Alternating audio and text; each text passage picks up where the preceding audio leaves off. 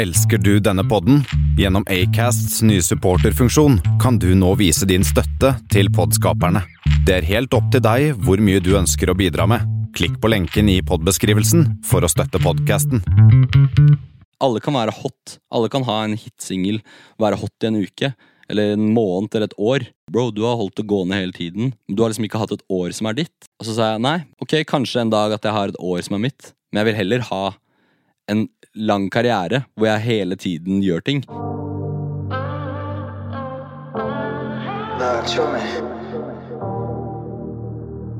It is God's love.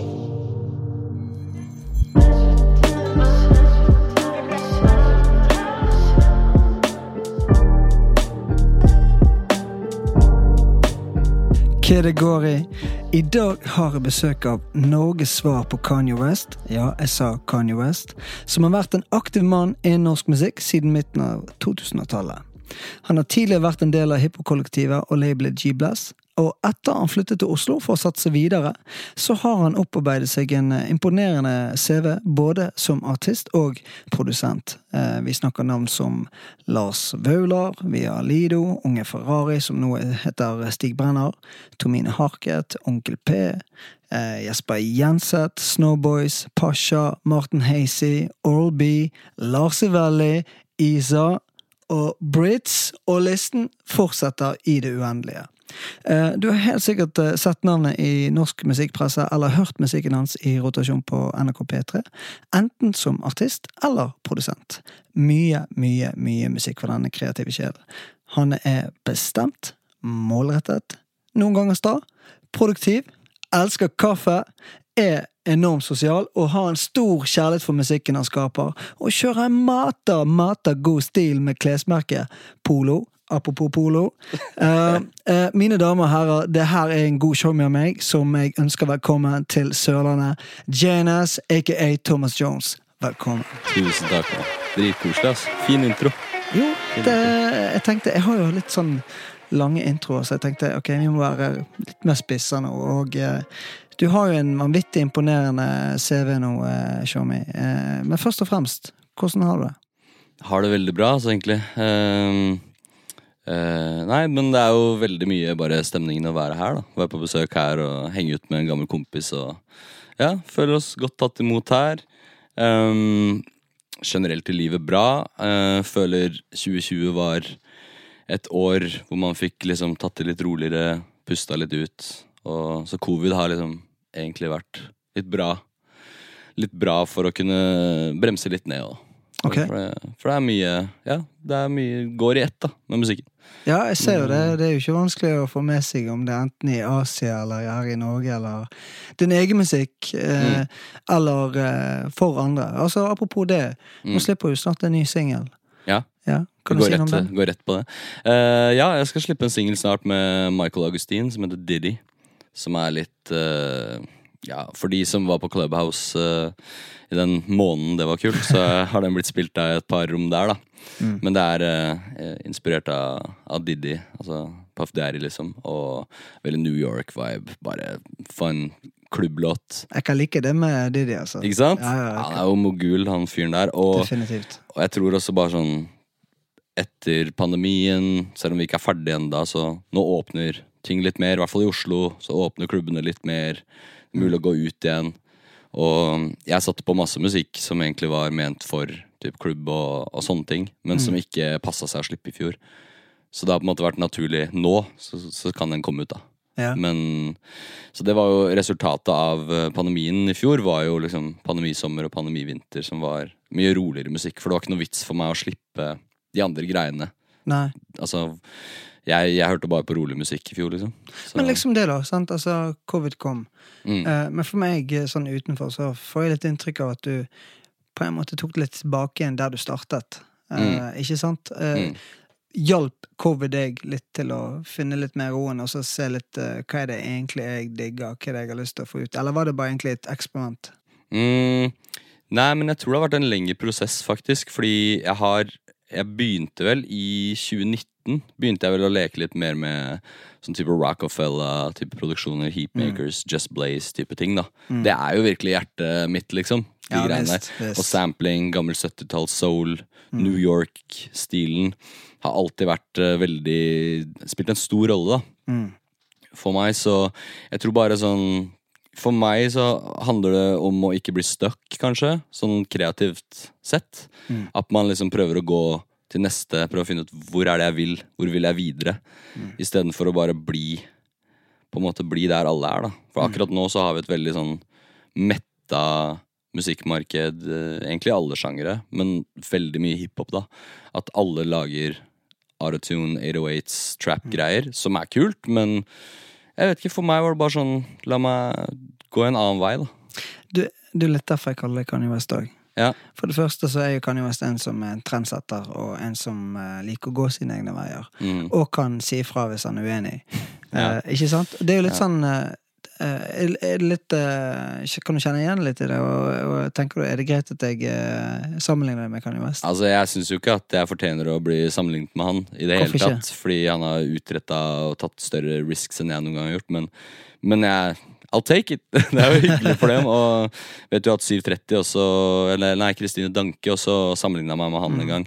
Og det er jo litt sånn tabloid, på en måte, men, men jeg tar det, jeg. Så jeg tar jo det som et kompliment, liksom. Mm. Men det er litt det jeg legger i det, er jo det at eh, for det første så har jo du alltid vært en stabil rapper helt siden jeg ble kjent med deg, og i tillegg at du kan produsere innenfor så mange forskjellige typer uttrykk da, innenfor Mm. musikken. Det er jo ikke bare hiphop, liksom. Sant? Du har Mm. jo eh, gjort pop, altså Tomine Harket, Unge Ferrari med Mm. Hvis du vil, som blant annet dere fikk en eh, nice plekk Ja, for.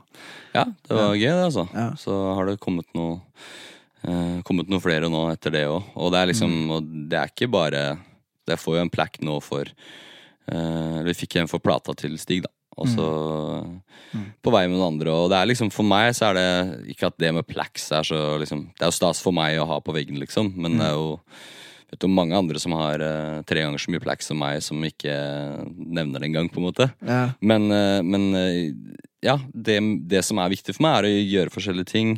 eh, utfordre meg selv, og jeg syns det er gøy å sette meg inn i nye sounds, nye stiler. Mm. Om det så ikke var jeg som på en måte fant opp det, så er det kult å, å, å kanskje etterligne noe Eller plukke fra hverandre ting, da, og så finne ut hvordan det funker, og kanskje finne en ny vri på det. Så, Men hvordan syns du den balansen mellom det å bare være både produsent og artist når du har eh, Ok, ta et eksempel. Du lager en skamfett beat, mhm. og så kommer uh, showmien din eh, Lasse Velle inn i studio Mm. og hører beaten. Shit, den showmien, denne beaten den må jeg ha. Så Mm. sitter du egentlig og tenker ah, den har jeg lyst til å bruke sjøl. mm, Eller om det er Brits eller eh, Oral B eller hvem Mm. det måtte være som er i studio med deg. ja. Og så har du sykt lyst til å gjøre noe sjøl på den biten der. Ja. Hvordan klarer du den balansen med å ta det valget til å kunne på en måte gi den videre til noen andre når det er noe du sjøl skaper? For jeg vet jo det Mm. med å skape greier, man får jo en veldig sånn eh, eierskap til ting, da. Mm. Det har egentlig gått eh, overraskende bra. Fordi jeg, jeg, jeg klarer ikke helt å sette ord på hvorfor, men, men det har liksom blitt litt sånn at um, jeg har en annen mentalitet når jeg har artisten i studio. Og jeg pleier alltid å gå ut fra hva artisten selv vil. Så vi hører på musikk sammen. Mm. Um, så motivasjonen min er en helt annen når jeg jobber med artister enn når jeg jobber for meg selv. Okay. Og så er det et eller annet med Det er noen ganger kanskje at det er beats jeg har gitt til andre som jeg kanskje burde tatt selv. Eh, og vice versa. Ja, det er litt Men- fordi at du ikke er fornøyd med hvordan sluttresultatet blir, da. Det kan også bare være at uh, jeg bare ikke så meg selv på den biten. For eksempel eh, låta jeg gjorde med Martin Hazy på blå-albumet mitt, som heter 04. Mm. Eller 4 om morgenen. Den uh, lagde jeg egentlig med Brits i studio. Og tenkte det her blir dritkult til han. Så han bare, han digga den, men han bare det bare passa ikke helt han. Eller han bare fant ikke noe, fikk ikke noe idé på den. Og den ble bare liggende. Spilte den for masse folk. Til slutt så sa Pasha til meg bare sånn Bro, kan du ikke bare gjøre noe på den sjøl? Ja. Ok, og den, så gjorde du det, og den ble jo spilt på P3, og liksom Det var jo en låt til meg, egentlig. Ikke sant? Så man vet jo aldri. Men um... Ja, men du lager jo mye beats. Ja, eller ikke?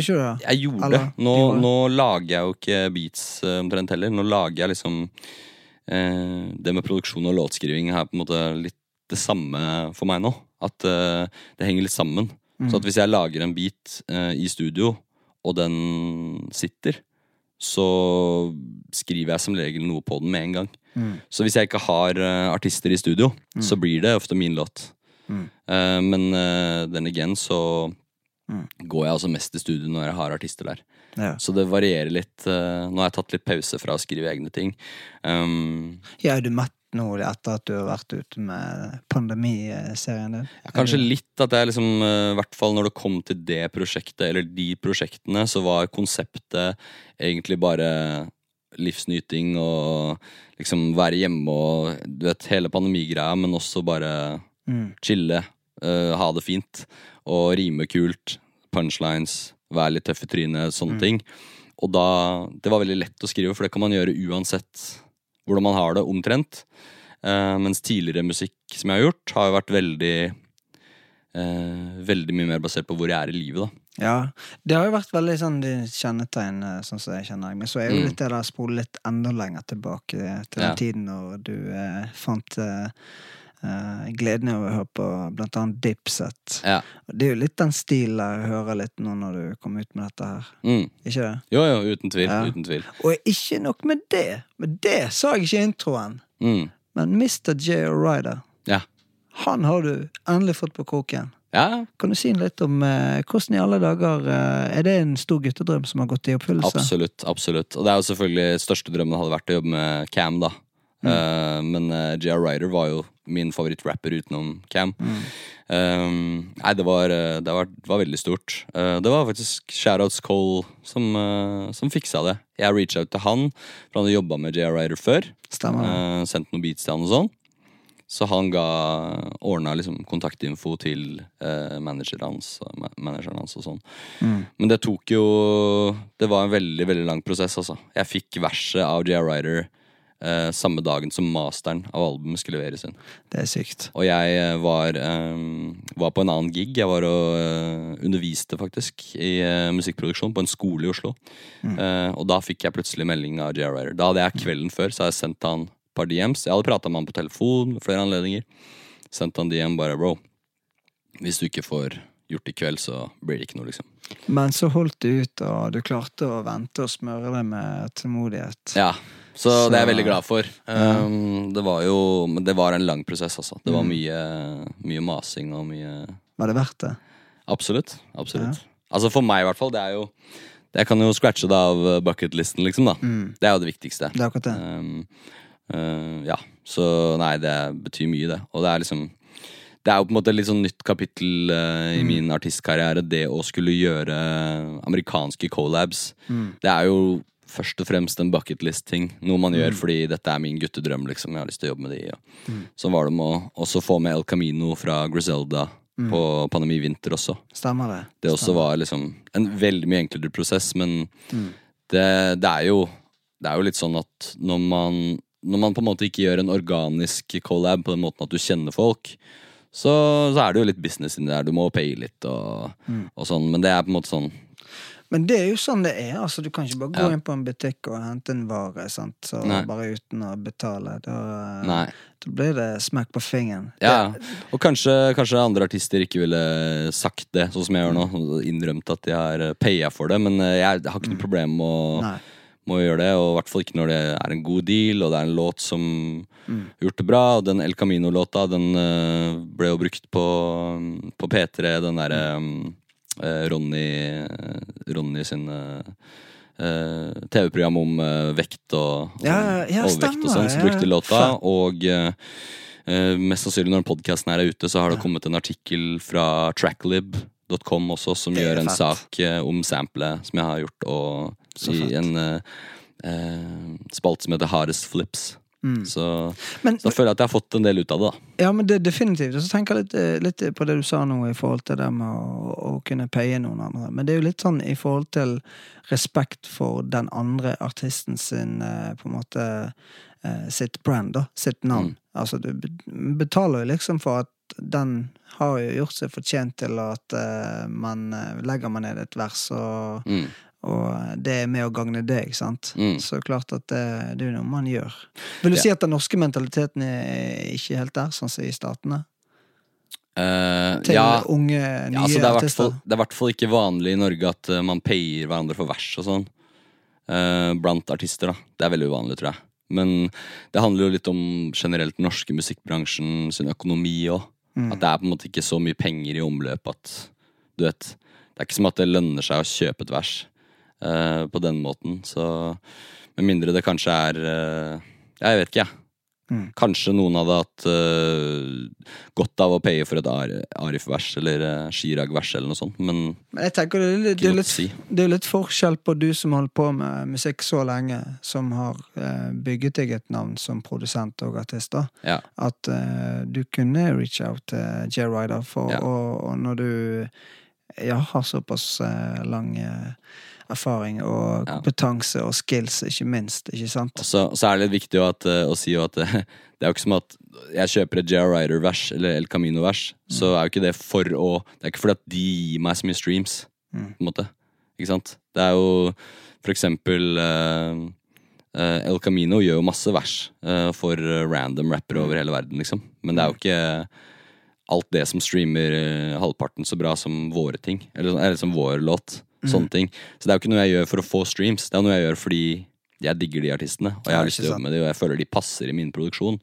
Det også er liksom måten jeg tenker på med min egen musikk. Eh, så handler det mye om sound, følelse. Mm. De featuresene jeg har på mine låter som artist, er jo fordi jeg føler at de passer på denne produksjonen her. De passer på den låta. Mm. Så Ja. musikken kommer først uansett, på en måte. Ja. Det, det, føler, det du sier der, med at Mm. musikken kommer først, Mm. Sånn har jeg nesten alltid Det har jeg følt med deg. Mm. Det var liksom Jeg mener du sa en gang sånn at eh, eh, musikk er større enn uh, Større enn nesten alt. Mm. At, uh, ikke sant? Mm. Du, du, du, verdsetter det så høyt at Mm. eh, for deg er ikke det bare å eh, Litt sånn som kanskje jeg tidligere var med å hive ut låter ganske fort. Du, du går noen runder før du putter ut musikken. Ja da, jeg gjør jo det. Ja. Eh, men det er jo Ja, ja men det er Jeg, jeg syns jo fortsatt jeg, altså, Mange av mine favorittartister har jo kule image og, eller kule historier. Mm. Ikke image, men liksom De har kanskje en spennende personlighet og en spennende historie og, og sånn. Det er også veldig viktig, da. Mm. Men, men hvis det ikke var for musikken, så hadde jeg jo på en måte ikke eh, vært fan av Cameron eller eh, Kanye West for den saks skyld, selv om det er fascinerende å se på intervjuene hans. Liksom. Um, Men var det mye på grunn av de, eh, det uttrykket de hadde? Hva som gjorde Mm. at du bare, bare digget eh, det uttrykket de hadde? ja, det bare traff meg. på en måte Det var noe med de soul-samplesene som de brukte, og kombinert med liksom de tinga de sa, måten de rimte på, måten stemmen var på.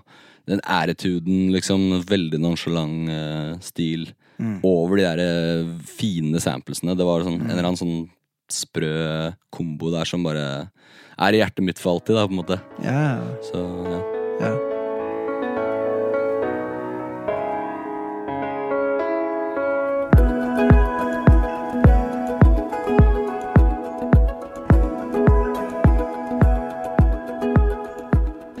Nei, men apropos det her, eh, Shomi, med at uh, det imaget og attituden til disse her Dipset-gutta. Mm. Men du, Jones, som eh, kommer fra Hamar. Mm. Trygt. Ja. En god oppvekst, sånn som jeg har fått inntrykk av. Du, du kommer ikke akkurat fra Harlem. Og eh, du har liksom ikke levd det livet der. Mm. Det syns jeg er litt sånn her interessant og spennende, i og med at du, du er vokst opp i en kristen familie. Mm. Og, og, og jeg har fått inntrykk av at du har hatt en grei eh, barndom. Ikke sant? Ja, jeg vil si bedre enn grei. Ja. Veldig bra. Veldig bra. Ja. Ja. Hva gjør en kar som deg at du finner at du bare forelsker deg i det uttrykket til Dipset? Mm. Uh, nei, hva som gjør Altså, det, var, det starta jo ikke med Dipset, liksom. Det starta jo med, med Stevie Wonder i stua, og gospelmusikk, og bandene som broren min hørte på, som var litt eldre enn meg. Jeg hørte jo på Foo Fighters og eh, Michael Jackson var jo kjempeste, kanskje største, en av de største inspirasjonskildene, liksom. Så nei, jeg vet ikke. Altså, men jeg har jo vokst opp i kirke hvor det har vært mye musikk, og vi har sunget mye og sånn, men det var veldig lite sånn Hva skal man si Det var ikke så veldig mye kul musikk. Eller sånn, det var ikke liksom masse bra gospel. Jeg har ikke vokst opp i en liksom svart eh, kirke med bra gospelmusikk, liksom. Så, men jeg tror bare det å være rundt musikk hele tiden Og min far ehm, drev eh, platebutikk eh, slash eh, hifi-butikk eh, på Jeg var på 80-tallet. Så de hadde en ganske solid platesamling hjemme, så jeg satt jo veldig mye og scrolla gjennom, så gjennom, så på coverne. Kan dere sette på den? Kan dere sette på den? Så jeg tror på en måte der starta musikkinteressen min veldig tidlig. da Ja, Hvor gammel var du da på den tiden? Uff, altså Det er vanskelig å si hvor tidlig, men jeg vet jo i hvert fall at sånn i hvert fall, for jeg var kanskje tre-fire år gammel. Så satt jeg hjemme og, og så på cover, og mamma satte på liksom Ja, Stevie Wonders 'Songs in the Key of Life' var veldig viktig. Mm. Uh, de spilte en del uh, Tracy Chapman. Ja, ja, ja. Det var egentlig mye svart musikk, faktisk. Pappa var veldig glad i det generelt, og veldig glad i Andre Crouch, som var liksom en av gospelkongene, som jo sang med Michael Jackson. Mm. Man in the Mirror, for eksempel, er jo koret til Andre Crouch, da. Stemmer liksom Kirk Franklin før Kirk Franklin, på en måte. Så du havnet ikke i koret, du? Og begynte å synge som Um, korgutt? jeg sang jo Jeg sang noe i kor. Jeg var i barnekor. Ja, var det? Ja, jeg var ikke. Sølvguttene? Nei, det var, jeg har jo vokst opp i sånn crazy pinsekirke, vet du. Nei da. Ja. Men uh, uh, ja, Så det var ikke så mye sånn tradisjonelt kor der, men det var litt gospel òg. Mm. Ja. Min søster sang i kor der, har alltid sunget mye. Min Mm. bror har spilt i band. Jeg begynte å spille i band i en Altså Jeg hadde en kompis som spilte gitar. Vi pleide å jamme ut mye sammen Mm. når vi gikk på barneskolen og sånn. Og så begynte jeg i band på videregående. Så, yeah. Med noen kompiser som vi spilte veldig mye i kirka, og vi spilte generelt. Men på skolen, da? Når du, for Ja. Når sånn eh, 100 begynte du å skrive og komponere egne ting? Ja, jeg begynte Jeg hadde jo ikke skrevet en eneste låt før jeg begynte å rappe, da. Så jeg hadde jo ingen erfaring med å skrive låter. Ehm, med unntak av kanskje en Jeg lurer på om jeg kanskje prøvde å skrive en låt en gang uh, back in the day Når jeg var trommis. da Så Mm. prøvde jeg kanskje å skrive en låt eller noe. Men det var egentlig bare at jeg begynte å rappe, og så har det Jeg vet ikke egentlig Jeg kan ikke si noe sånn spesifikt tidspunkt når jeg ble låtskriver, på en måte. Det var vel bare den tanken om at ok, nå har jeg gjort rappverset, nå må jeg ha et refreng. Mm. Og så begynte jeg å leke med beats samtidig, og så gikk jeg fra å finne samples på gamle CD-ene til mamma og pappa, eller gamle skivene dems, og prøve å gjøre det som mine, mine uh, helter gjorde, på en måte. Men var det et miljø rundt deg, da? På den Nei, tiden? nei, nei, absolutt ikke. Det var, eh, det var noen som holdt på med rap i Hamar, men det var liksom Det var ganske, ganske heftig jantelov der. Og jeg opplevde jo at liksom Det var Det var ikke noe miljø hvor man liksom ble tatt inn og bare Mm. Du vet, de forsøkte, tror jeg, men de var, var litt for G, de gutta der. Så de, Ble du litt sånn eh, utenfor, på en måte? da? Eller litt ja, outsider? men, ja, men det var liksom ikke noe miljø å være utenfor i. Nei, okay. om du forstår. Um, så det var egentlig helt greit. Jeg kom fra skatemiljøet, egentlig. Jeg hadde skata i mange år, hørt mye på hiphop, hørt mye på musikk generelt. Um, inspirert av de skatefilmene som vi så på. Musikk var en stor del av det også. Mm. Og jeg drev mye med film, redigerte filmer og skulle egentlig drive med det. Så det har vært en sånn rar reise. Jeg hadde vel ikke sett for meg at jeg skulle drive med musikk på heltid, egentlig, på den tida. Ja, og skating, du er jo, det er jo fint du nevner det, for du er jo Ja. ganske habil eh, skater òg. Eller har det blitt litt mer rustent i det siste? Ganske rustent, ass. Ja, altså. Ja, det er jo mange av mine gamle skatekompiser fra Hamar og sånt som er veldig solide fortsatt. da Mm. Men uh, jeg tror egentlig når man ser på veldig mange musikere i dag, Mm. kommer fra faktisk enten skating eller fra kirkebakgrunn. Ja, Faktisk. det er veldig sant. Eh, så det er litt- Jeg vet ikke. Kanskje det er en eller annen sånn weird gateway-ting Ja. til å drive med musikk, da. Men eh, når du da begynte å lage litt beats, så hvordan fikk du eh, på en måte testet om dette funker eller ikke? For nå har jo liksom, du har jo internett, ikke sant? Mm. Du hadde jo internett på den tiden òg, men ikke, Jo, jo. ikke like stort eh, på samme måte. Mm. Altså, hvordan fikk du eh, eh, sparret med folk på at liksom, jeg er god på dette her, eller eh, var det noen som var med å backe deg i det hele tatt? Ja, det er det som er morsomt, for en av de første som gjorde det, var jo Lido. Lido, faktisk. Lido, Lido. fant meg på, på Urørt. Mm. Sendte meg en mail. Uh, fant mailen min her og bare hei. Jeg er fra Haugesund og driver og lager musikk og liksom Eh, og så adda vi hverandre på MSN, da. Og da prata vi jo nesten hver dag. Sendte hverandre beats og ideer og lagde jo masse musikk sammen. Mm. Så han var en av de første som jeg begynte å linke opp med, faktisk. Ja. Så det var Lido, og eh, senere Cashmere Cat også. Ja. Fordi han linka opp med Cashmere Cat samtidig som meg. Mm. Så vi var i Haugesund på uh, release-konserten til Lido når han skulle slippe mixtape. Det var betalt av kommunen, han fløy oss inn. Vi hadde hotellrom der, og hvert vårt hotellrom der. Hang ut med Lido. Så jeg var der to ganger i Haugesund og jobba med han. Og Yes. så det er jo litt sprøtt å tenke på nå. Ja, det... det- her må ha vært i kanskje 2008 eller noe sånt. Så det er Men på det tidspunktet der hadde jo vi eh, Husker du hvordan vi eh, møttes? Det er jo litt way back. eh, Ja, det var jo rundt den samme tiden, jeg, Ja. tror jeg. Um, Jeg husker det hvor vi Hvor var det vi linket opp første gang? Uh, nei, men vi snakka jo Vi også linka opp via MSN, tror jeg, først. MSN, altså. Yes, Det var det shit. De altså. som var der, de vet. det var tider, det. ja, ja, det var det. Det var, det var jo lett å kunne Det er veldig fascinerende at uh, man kunne connecte på den måten der, når man drev med det kreative. Mm. Det, Ja, men det er jo Folk gjør jo det enda, sikkert. Ja, eh, kanskje ikke på MSN, men eh, via folk sender DMs eller ja, ja. Så sånn sett så var jo vi blant de første Mm. Hvis du tenker eh, sånn, i den internet-agen som Mm.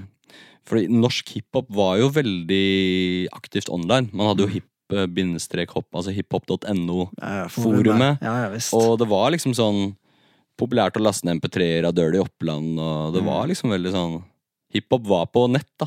Mm. Vi var, så vi har jo på en måte alltid brukt det. Men det var jo ikke sånn da som det er nå, at man kan bare Mm. gå inn og se en tutorial hvordan du Mm. lager en uh, Metro Boomin-beat, liksom. Ja. Nå, altså, de kidsene som jeg Som kommer i studio mitt nå, holdt på å si, for det er jo nesten bare kids, ikke sant? Mm. Eh, De er jo kanskje 2021 jeg kaller det kids.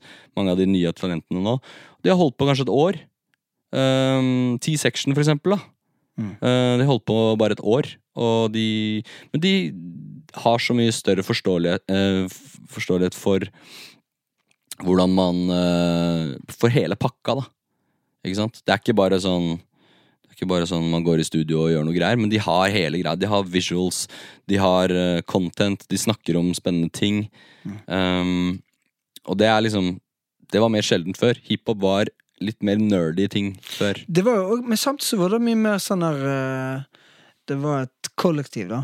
Og, Mm. og for å spore inn på det, da, Mm. så ble jo du òg en del av uh, G-Bless-kollektivet, eller bevegelse. Ja. Hvor vi var Det var jo liksom alt fra graffiti til uh, skating og Ja, veldig- veldig hiphop. Ja, det var veldig hiphop. Det var mye regler og sånt, litt sånn Ja. som jeg og Marius i forrige episode snakket om, da. Ja. Men uh, ka- kan du si kort om eh, hva, hvordan var det vi i alle dager, en bergenser og en fra Hamar, og i tillegg vi har jo eh, Roger fra Drammen, altså Mm. plutselig ble vi noe som vi kalte G-Bless. Mm. Kan du huske litt av denne prosessen uh, før vi uh, linket opp der? Ja, altså sånn fra vi connecta på MSN, Ja, ja. så Altså var det veldig sånn Jeg føler på den tida igjen, det var mer nerdy. da Det var Mm. mer sånn ah, 'Du holdt på med hiphop, jeg holdt på med hiphop. Kult, la oss jobbe sammen'. Ja. Nå er det liksom Hvor Mm. mange er det ikke som Altså jeg kjenner folk som driver profesjonelt med film, Mm. som også rapper litt på sida, Mm. og som leker med Aretun og laster ned beats fra YouTube, liksom. Mm. Det er en annen tid nå, så da var det veldig sånn Mm. Fett, du holder på med noe greier. Her, Sjekk ut det her jeg har lagd. Kult, kan du, vil du være med på det her? Ok, Mm. fett. Så det bare Jeg mener husker vi liksom prata mye på telefon, sendte hverandre Mm. skisser. Så plutselig, så liksom, når jeg da var i Kristiansand, eh, gikk vel på folkehøyskole, så var vi en tur i Kristiansand.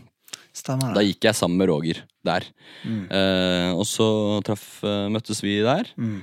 Jeg vet ikke om vi hadde gjort noe musikk sammen enda da. Men- Nei, det eneste var jo du var jo litt nysgjerrig på hvem som hadde gjort beats og sånt på det Ja. prosjektet mitt. Ja, det var det du ville frem til, ja. Ja, Ja, når jeg så det CD-coveret som jeg fikk av en bekjent, ja. Det var det- jo sånn jeg hørte om deg først. ja var ikke det noe sant? Jo, så så jeg bakpå, så sto det noe sånn produsert av Egil eller noe Ellevel, sånt. ja. Ja, Stemmer til han. da. Ja, ja, ja. Så da husker jeg kontakta deg først eh, Stemmer angående det. Og bare sånn Hvem har lagd beatsene? Ja, ja, det var ikke meg. det var ikke for å collab med deg, det det, jeg vil ha beats. Du vil ha beats, men eh, det funny er jo at jeg husker på den tiden når jeg prøvde å lage beats, at det var jo ikke mye rytme, og det var jo bare Det var mye kaos. Men så ble det til slutt en uh, mixtape på 37 låter med Ja. connection med folk fra Tyskland og England og USA og Ja, ja. Sverige. Du gud, husker du han? Ja, ja, ja. Jeg husker det var Jolion Ja. og Absolger, Ja. New York. Men eh, Nei, men så, så ble jo vi eh, Vi linket jo opp der. Mm, Uh, og i tillegg uh, spole litt fram, da. mm, Til at uh, Twisted og Obi-Wan og mm, Zodiac ja. Hva vil du si Vi trenger ikke snakke så mange detaljer rundt den tiden der. Eh, men, men hva er ditt beste minne fra den tiden du var en del av det med G-Bless? Mm, nei, men altså Det ene var jo selvfølgelig eh, at vi hadde spilte veldig kule shows sammen. Det var packed, det var mye folk på konsertene våre. ofte. Vi spilte ofte. Ja, vi gjorde det. Eh, men, men det beste var jo på en måte den familie...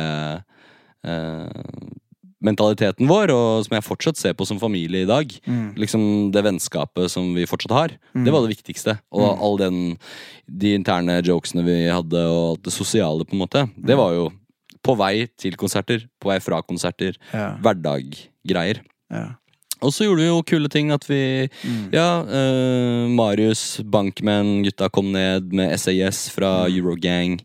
Kom og jobba med oss i studio.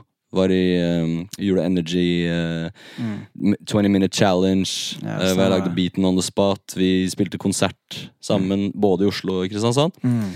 Så Nei, men det var mye kult, altså. Det, Det var, det. good times. Og vi var liksom Mm. Ja, det var uh, Hva skal man si? Det var fett. Vi snakket jo også senest om det i går, at eh, det er faktisk 13 år siden. Så sto vi og varmet opp for Madcon i Arendal uh, kultur. Ja, den, den er fin. Den er, den er sprø å tenke på, når det Mm. dukket opp på, på minneveggen der. Ja. Det, for det, det var en Det var bare en liten sånn der eh, bekreftelse på at ok, vi er inne på noe nå. Ja. Uh, Jo, men det var jo veldig stort for oss da, og det var jo på den tiden hvor Madcon nettopp hadde slått Beggen. stemmer. Så det var jo De var jo på en måte de største Mm. eh, Altså, hater det ordet urban, men de var på en måte de største urbane artistene i Norge på den, det tidspunktet. da Mm. Så det var jo veldig stort Mm. uh, å varme opp for de, liksom. Mm. Hvor mange var det? Det var sikkert 1000 stykker i salen det det var i hvert fall ganske så fullt der. Mm. Så nei, det var, det var gode tider, det. Og Mm. så har jo vi jobbet tett på og sånt, og jeg tenker liksom, du som produsent, for du, du var jo du som sto bak det meste av produksjoner Ja. og innspilling, altså både for Rebekka og meg og eh, hele gjengen da, i Mm. Kristiansand. Og når vi hadde studio i Sprybox-bygget, Mm. Uh, Hvil i fred, det bygget der, for det, der skjedde det mye bra. Der hadde Ja. vi jams, og det var Det var kaldt der, husker jeg. Satt der på vinteren med sånn dårlig ja, ja, Sånn kjempedårlig ovn eh, som ikke hjalp. Måtte sitte der med, med jakke på. Men mye Det ble skapt mye der. Mm. Definitivt. Men hva, hva føler du liksom er sånn her som gjør at At eh, At eh, Når du begynte da å kjenne på at ok eh, Du produserte jo veldig mye, og det var ofte du kjente litt Jeg følte du var litt sånn av og til frustrert fordi at folk ikke ville nok. For Mhm. du ville mye, sant? Ja, ja. Og det jo førte til mange ganger at det var For når det er flere hoder som er litt uenige i ting om stil, uttrykk, budskap, eh, sound og hele den pakken der. Mm. Men det, det er sånne ting jeg tenker nå. Du har alltid vært veldig sulten. Mm. Og det er kanskje mye av grunnen til at du er der du er nå. Hvor, Ja, du, det- hvor det skjer veldig mange ting, da. Eh, vil du si at eh, gjengen, inkludert meg, vi, vi klarte ikke å angripe det godt nok? Altså at det også på en måte se muligheten, eller hvordan Eller var det jeg, jeg, jeg ser ikke på det på den måten. Jeg tror Nei. bare at uh, man vil At the end of the day så vil man forskjellige ting. Og ehm, det var på en måte noe jeg godtok og aksepterte. At liksom jeg har ansvar for mitt liv, for min fremtid og mine drømmer, da. Og um, på en måte hvis Det her mener jeg bare med kjærlighet, da, men hvis man hvis man som artist eller rapper eller whatever er komfortabel med å på en måte være der man er, og bli på det stedet, så er jo det greit. Da er man happy med det. Men hvis man har større drømmer enn det, så må man komme seg videre. på en måte Så for meg eh, og se Jeg tror også det for meg å se tidlig at for eksempel Lido, Cash Me Cat At de Altså, Lido tok over Norge early, liksom. Mm, uh, og så flytta de til LA, gjorde greia si. Mm. Da tenker jeg sky's the limit, på en måte. Når eh, Hvis man vet hvor man skal, og jobber hardt for det. Mm. Og da må man være ærlig med seg selv. Vil jeg det her? Ok, da gjør jeg det som må til. på en måte. Mener du da at uh, den Så for, gjengen for meg var, for meg var Ja. da å liksom komme meg ut av den komfortsonen i Ja. Kristiansand. For det ble veldig trygt og fint. Med all my boys, liksom. Og liksom hadde det veldig trygt og fint her. Men mulighetene som jeg trengte, de var ikke i Kristiansand. Og det er litt sånn uansett hvor du kommer fra i Norge, nesten. Du må nesten til Oslo hvis du skal Mm. Skal lykkes. Og jeg er fra en liten by som er veldig nære Oslo. Så for meg var egentlig alltid drømmen Oslo. Mm. Uh, så Men du flyttet jo to ganger. Ja. To ganger ned til Kristiansand, og så siste gang, og så gikk det litt kjappere før du eh, flyttet opp igjen. Nei, Eller tar jeg feil der? nei, nei, nei. Jeg flytta til Oslo først. Bodde der i to år. Så flyttet jeg ned hit. Eh, skulle bo her i ett år, kanskje to. Endte opp med fire år. Fire år ble det, stemmer det? Så, det var, Sånn, så jeg hadde to år på meg å Ah. være komfortabel før. Mye koselig, ikke- masse kaffe og Ja, god det var ikke bare å rive av det plasteret der. Altså, det, var, eh, det var vanskelig å ta den avgjørelsen. Ja, var det? For Ja, det, ja. det var litt det neste spørsmålet mitt var. Mm. Føler du har Er det noe som mangler i livet ditt i forhold til det, da? I og med at altså, klart, nå har jo du bodd en stund i Oslo, fått Mm. et nytt nettverk, og Mm. stadig vekk nye ting eh, skjer. Eh, men så er jo òg det at det er jo ikke til å eh, legge skjul på at bransjen er jo krevende og utfordrende, og når Mm. man jobber med mange mennesker som man vet ikke helt intensjonen deres. Ok, vi er her bare for business, vi er her òg for å bli showme? Mm. Savner du noe av det fellesskapet du hadde i Kristiansand?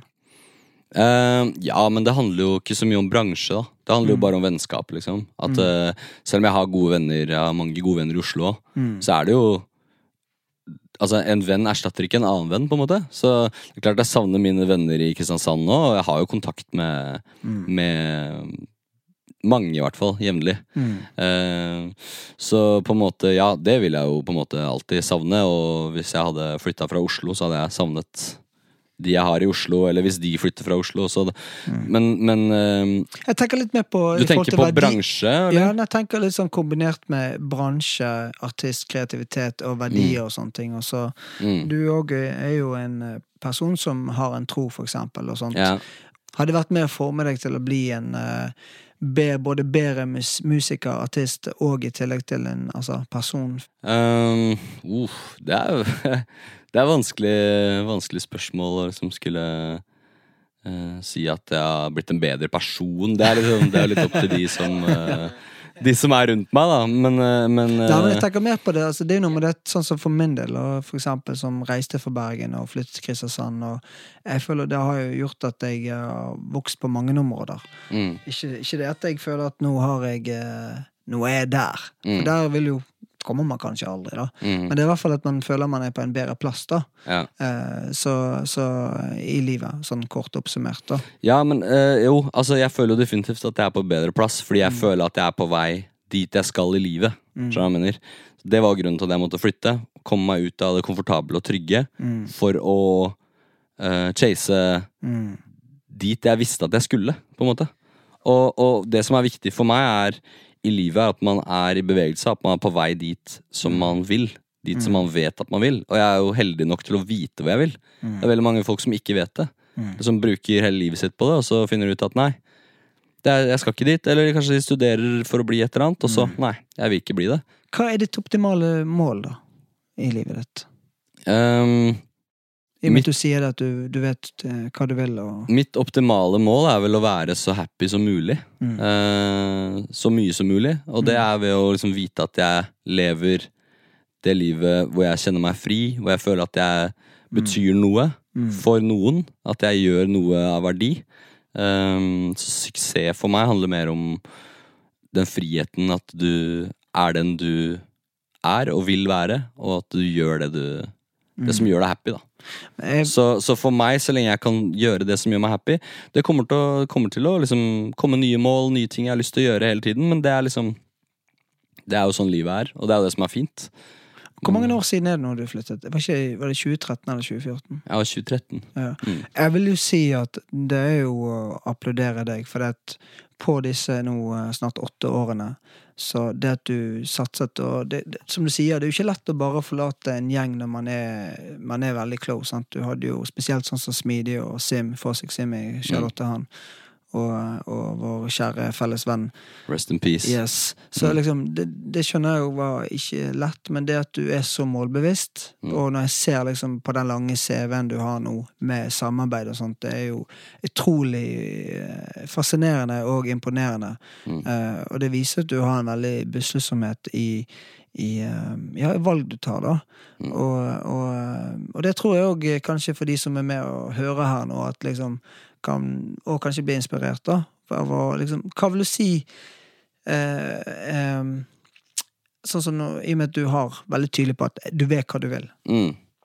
Og hva innebærer det for deg som en artist og produsent? Og, Sant? Ok, Greit, du flytter til Oslo.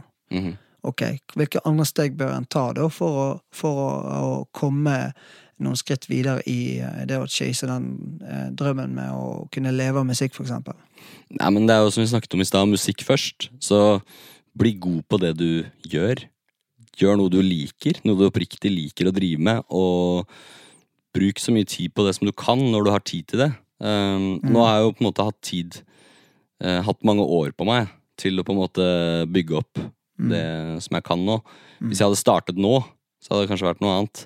Du kommer til et punkt i livet ditt hvor du liksom, Det kommer andre prioriteringer og du vet sånne ting. Uh, så det er sånn typisk sånn Gary V-tips, uh, liksom. Du vet, Når du er ung, bare kjør på med det du, Mm. det du vil. Prøv ut ting. Og det er liksom Så fokuser på å bli Bare ha det gøy, egentlig. ass Og finn deg selv. Det er det viktigste. Musikalsk sett, finn ut hvem du er. Finn ut hva du liker. Og hvis du liker det, så gjør det. Ikke tenk at uh, Nei, men det her er ikke akseptert, eller det her er ikke det som er kult nå. Bare gjør det du tør, og gjør, det, gjør deg, liksom. Men det du sier nå, det, der overrasket det meg litt, sånn som når du da har gitt ut For du har gitt ut en del mer låter som har vært litt mer eh, pop, altså mer eh, mer kommers, da, hvis jeg Mhm. kan si det sånn. eh, Veldig radiovennlige låter. Og det var da du kjørte på med pandemien, så tenkte jeg shit, det her er jo Det er fett at du, du, du bare gjør det du har lyst til å gjøre, da. Mm. Du sitter her nå og sier. Allikevel så du, du er ikke redd for å miste da noen følgere, eh, eller kalle, kalle fans, eller folk lyttere. Eh, For du tenker mer på at du er opptatt av å skape din egen greie for at du skal være stolt av, og så Mm. kommer heller det andre som en bonus, da. Mm. Litt eh, sånn jeg Ja, men samtidig så tror jeg også Altså, jeg kan være sånn som lytter sjøl, at jeg kan synes en artist var bedre før, eller ja, Mm. likte bedre det og sånn. Men det er sånn Du kan ikke, som en kreativ person, så kan du ikke drive og leve etter hvem du tror at andre vil du skal være. Og det er sånn generelt i livet, så kan man ikke gjøre det. Du må være i bevegelse. Vær den du er, og tør å utvikle deg, da. Mm. Så eh, det er ikke sånn at jeg har liksom Nå har jeg lagt R&B-en på hylla. Jeg har lagt uh, 808-ene på hylla, liksom. For der er du god. Ja, takk for det. Gråter uten tårer, for eksempel, er en av meg og Rebekka sine sin favoritter. Kult. Ja, Nei, men, ja, låt. Nei, men eh, jeg har, ikke, jeg har ikke lagt det på hylla i det hele tatt. Men det er bare mm, Det er jo litt det at jeg er produsent òg, så gjør jeg altså For meg er det litt sånn Jeg gjør det jeg har lyst til å gjøre. Hvis det er noe som inspirerer meg, så vil jeg heller gjøre det. Og det er ikke noe vits for meg å lage liksom Playboy Cardi-musikk når jeg ikke lever den livsstilen, og spesielt ikke i 2020. Um, da det var lockdown. Alt jeg hørte på da, var Griselda og Rock Marciano og Crime Apple og bare sånn super undergrunn, slow hiphop med samples. Og det var det som ga meg en ny kjærlighet for musikk, fordi det skilte seg fra alt det andre. Yeah. Um, og selvfølgelig Tøyen Holding her hjemme også. Inspirerte meg mye, selvfølgelig. Um, sånn at ja. Bare stoppe der. Ja, ok. Så litt, det er litt spennende vi gikk inn på det her med Kristiansand og alt det her. Og sånt, Ja, og- det ble mye prat om det, bare. Nei, Mm. men uh, vi ser hvordan det blir. Ok, så, så nå, nå er du inne på det her, Shomi, med hva som inspirerer deg og sånt. Og hva er den store, ultimate inspirasjonskilden din når det kommer til musikk? Du, vi har vært innom Dipset. Mm. Eh, men nå, da, per, per dags dato, hvem inspirerer deg? Det er veldig Det er veldig vanskelig å svare et sånn Hva skal man si spot on svar på det, fordi inspirasjon er så det, det endrer seg hele tiden, da. Men sånn fra rap så er det jo Drake er jo, har jo vært min favoritt-rappartist siden 2009-2010, da han slapp So Far Gone, liksom. Så jeg vil jo fortsatt si Drake er jo up there. Men ehm, så er det vel så mye annet som inspirerer meg òg. Bon Iver for eksempel, er en artist som jeg alltid kan sette på. Veldig inspirert av mye 80-tallsmusikk. Eh, akkurat nå hører jeg mye på en japansk eh, sånn jazz fusion-artist. Som lager sånn kjempesære 80-tallsballader med saksofon og okay. Altså det er liksom Det er ikke noe Det er ikke ett svar på det. Nei, nei. Um, Men altså, du har, apropos det med asiatisk eh, musikk Du har jo pinadø god. Ja, pli- klart å havne inn i det markedet og som produsent, og det markedet er jo ganske Det er jo ganske svært. ja, Eh, K-pop, ikke det du kaller det? det er det det heter, ja. Det er det det heter, ja. ja. Hvordan i alle dager havnet du i Asia, Shami? Ja, det, det som er litt funny, var at i 2020 igjen, back to pandemien hele tida, men eh, da var det manageren min, eh, Toby, på Tooth Fairy, som kom i kontakt med en eh, Eller manageren til en kinesisk artist som heter Blow Fever. En rapper. Som var kjent fra bl.a. Rap of China, som er sånn stor sånn Idol-type TV-program med fokus på rap, da. Ok. Så vi linka opp uh, online, sendte han masse beats, og det ble vel til tre eller fire releases i fjor, og så er det vel to eller tre i år uh, totalt. Jeg lurer på om vi har én til som kommer snart, eller noe. Men uh, Så det starta der. Yeah. Og så har vel egentlig gradvis min manager da har kommet i kontakt med litt sånn k-pop-folk og sånn. Mm. Så det, som skjedde, det som skjer, er vel egentlig bare at han sender mye, han pitcher mye låter til disse folkene her. Og um, jeg hadde skrevet en låt i fjor sammen med en britisk eh, artist som heter Ruben Gray. Vi skrev en låt som heter Sad Kids. Som er litt sånn 80-tallsinspirert uh, ballade. Litt sånn 1975-aktig låt. Og han synger med den tykkeste London-aksenten, liksom. Og vi hadde ingen tanker om k-pop. Uh, og så havna den låta her Den lå egentlig bare litt på hylla, fordi han skulle ikke slippe den. Og så, på en eller annen merkelig måte, da, så havna den i hendene til han ene karen eh, som Toby snakker med. Så han, jeg lurer på om han sendte han et par låter. Ja, så hvor mange plasseringer har du borte i Asia nå, da? Det var min første liksom, i Korea. Uh, som nå kom, den kom nå i mai. Så det er veldig nylig. Og den personen, eh, artisten Han heter uh, Taemin, eller Ja. ja. litt usikker på hvordan man uttaler det. Jeg er så fersk i det gamet her at jeg vet jo ingenting, Men da snakker du en som har en million månedlige lyttere på Spotify? Ja, eller? han er jo kjent fra en gruppe som heter Shine, som er en veldig stor uh, k-pop-gruppe, da. okay. Sånn guttegruppe, hvis jeg har forstått det riktig. Ja. Uh, så han slapp et soloprosjekt hvor den låta havna med. Og, det var eh, Jeg visste ikke engang at det var den artisten først. De bare sa at vi har en artist som vil ha denne låten. Okay.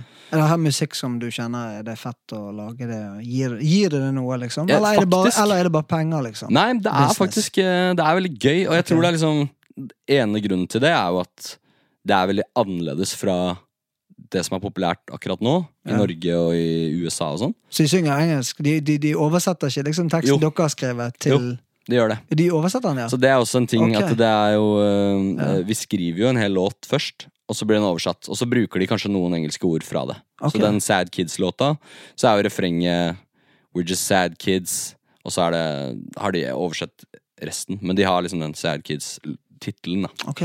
Så, og så er det bare Det som er gøy med k-pop, er at for det første det er så ekstremt mye forskjellig. Mm. Så det er liksom mange sjangere igjen. Mm. Um, det er enormt marked, og folk um, streamer veldig bra, og folk er skikkelig fans av det som skjer der.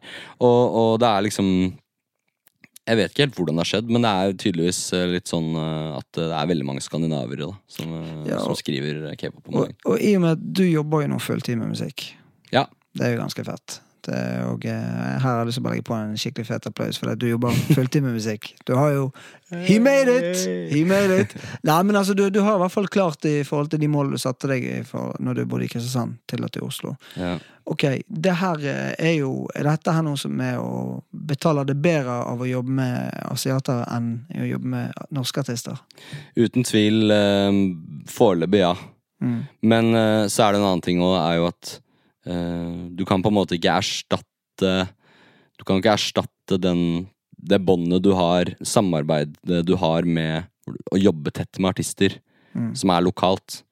Det er jo på en måte en mye mer stødig mm, ting, og man er kanskje litt mer involvert sånn med å faktisk skrive sangene. Man snakker sammen om livet. Man snakker, altså, for eksempel når jeg jobber med Brits, så og Lars Ivelli for den saks skyld, så skriver de om veldig dype ting, og vi har veldig gode samtaler. Jeg føler at vi er mer som egentlig kompiser enn uh, kollegaer, på en måte. Så, så egentlig så Så det det gir det annen mer, da. Det gir meg mye mer, ja. Mm. Eh, sånn fra et sånn På et menneskelig plan, kanskje.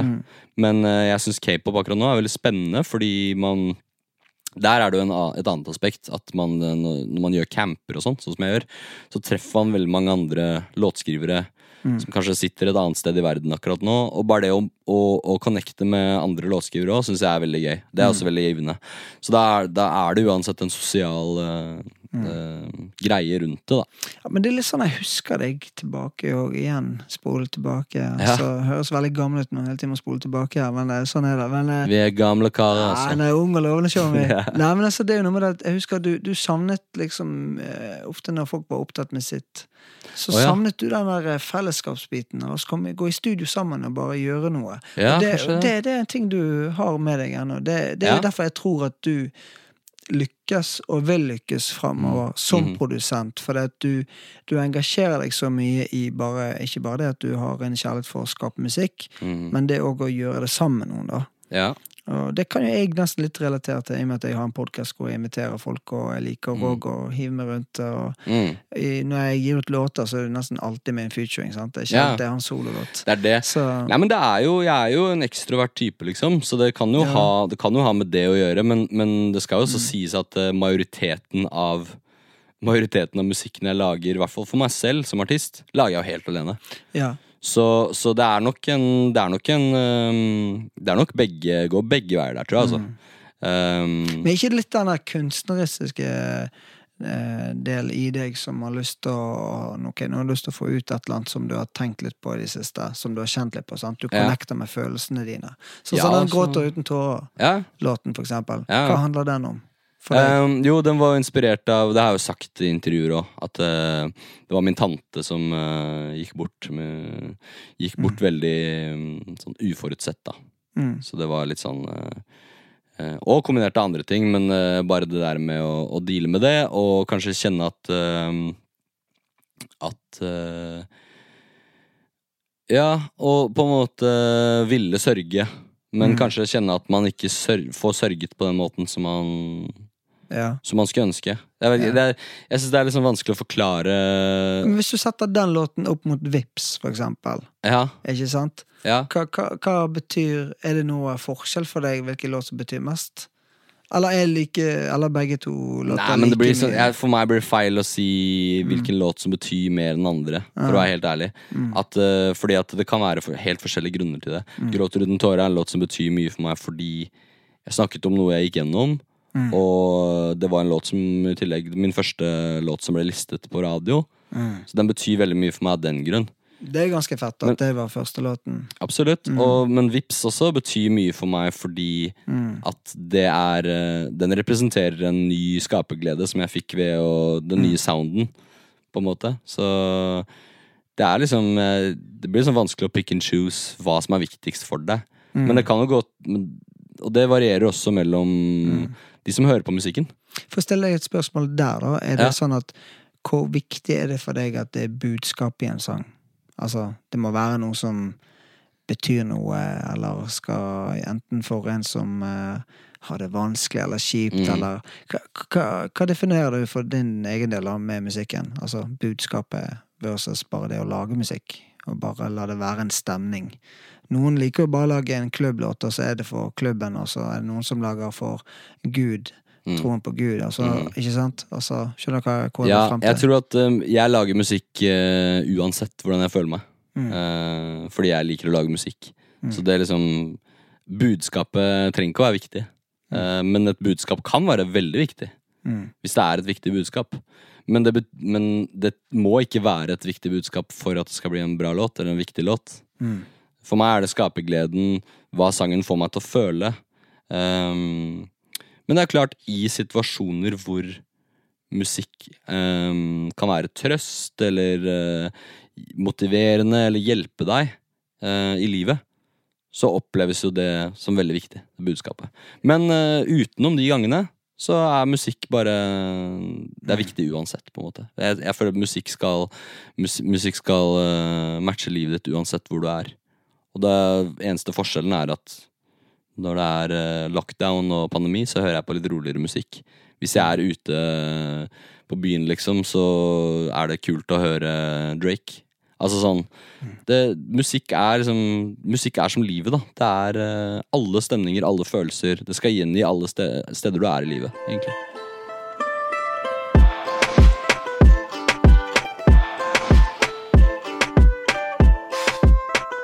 Det kan vi være enige om. Musikk er så mangt. Det, det er liksom, En dag har du en bra dag, en annen dag har du en dårlig dag. Og Det er vel kanskje sånn kort oppsummert musikken er for deg òg, da. Ja, altså, men ja, det er liksom Det er uh, konstant i livet mitt, da, og konstant i livet til veldig mange andre, liksom. Jeg har aldri møtt noen som ikke liker musikk. Jeg mener? Det handler ikke om om du liker musikk eller ikke, det handler om hvilken musikk er det du liker. skjønner du? Ja visst. Og det kan også være sånn med mine sanger. Jeg forventer ikke at eh, Jeg forventer ikke egentlig at noen liker min musikk nødvendigvis. Altså Det viktigste er at jeg har lagd noe som jeg, som jeg liker. Og så kanskje noen digger gråter uten tårer, men de liker ikke vips. Skjønner du hva jeg mener? Mm. Det viktigste er at hvis det treffer noen, og jeg har gjort meg, jeg har gjort det som jeg trengte å gjøre, og ja, eh, så er det en win for meg, da, egentlig. Men hva, har du noen spesielle tilbakemeldinger som har betydd noe ekstra for deg? Jeg har fått masse eh, meldinger opp igjennom av folk som eh, kanskje holder litt på med musikk selv, og som sier at de blir inspirert. Og jeg har definitivt fått meldinger av folk som har følt at musikken har hjulpet de og sånn òg. Så, men jeg har ikke sånn én spesifikk ting. Det har jeg ikke. Men eh, jevnt over å få den derre eh, Shit, ass, det du gjør, eh, det er flere som burde høre det, og Mm. den låta der eksempel folk som har sagt at jeg redda, at jeg redda sommeren deres i fjor, da. yeah. Pandemisommer. Sånne ting er kult. Det er jo dødsfett å få sånn tilbakemelding. Det er, det er kult. Definitivt. Eh, Men det er jo litt sånn eh, Du sier jo sjøl òg at du, du lager først og fremst musikk for din egen del. Mm. Og, men så Man kan jo ikke legge skjul på heller at man er jo òg avhengig av streams og avhengig av feedback, og at eh, Mm. Ja, man gjør noe, da. Eh, eh, og er konkurransen Føler du at konkurransen er veldig stor? På å klare det å gå opp og nikke. Og du har jo vært mye på New Music Friday og vært på P3-lister og Mm. eh, Hva er det som eh, Nei, men altså, du har Jeg vet ikke om jeg ser på det som konkurranse, men det er jo liksom sånn Hvis jeg skal konkurrere mot noen, så må det være for at eh, vi gjør akkurat det samme, da. Og Mm. det er liksom sånn det, Jeg prøver ikke å si at jeg er noe bedre enn noe, eller noe dårligere enn andre, men eh, for meg er det kanskje litt sånn viktig å ikke prøve å gjøre det andre gjør, og ikke prøve å konkurrere med noen andre, men bare være deg, være deg selv, da. Det er fett. Så, så kan man heller uh, med folk og sånt noe. Mm. Men jeg har aldri sett på for eksempel min artistkarriere og min musikk som konkurrent til artistene som jeg produserer for, for eksempel. Mm. Fordi for meg er det en win uansett. Uh, om jeg produserer for de, eller om uh, jeg har de med på min egen låt, eller om de gjør noe eget som er produsert av noen andre. Mm. Så lenge jeg digger den artisten, så syns jeg bare det er fett. Um, så Mm. egentlig så konkurrerer man med seg selv, da. Mm. Det er først og fremst Jeg vil jo at uh, Jeg vil jo på en måte presentere Presentere noe som er ekte og ærlig, og som Selv om det bare kanskje er uh, piss òg, at man bare spytter punchlines og whatever, så er fortsatt beatsene, stilen, flavoren er fortsatt meg. Fortsatt noe jeg vil gjøre, noe jeg vil project onto the world.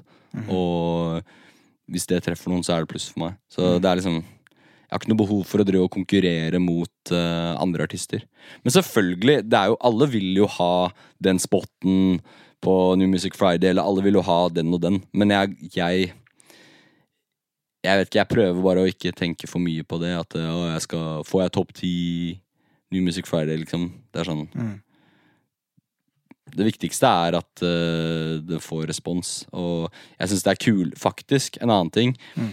Jeg føler med for eksempel uh, pandemi sommer og pandemi vinter, responsen den har fått uh, fra visse personer, har vært mye mer eh, At de har eierskap til det, og at de er fans enn veldig mye av den andre musikken jeg har gjort, som har streamet mye bedre. For de har kanskje ikke noe forhold til meg, de bare hørte en låt som er Som får playlists, og den streamer bra. Men det betyr ikke nødvendigvis at de er fans. Nei, men da, da er du inne på litt det som eh, jeg tenker at eh, Ja, du lager musikken for deg, først og fremst for deg sjøl, men så kommer Mm. det òg fram her nå, som du sier, at eh, Mm.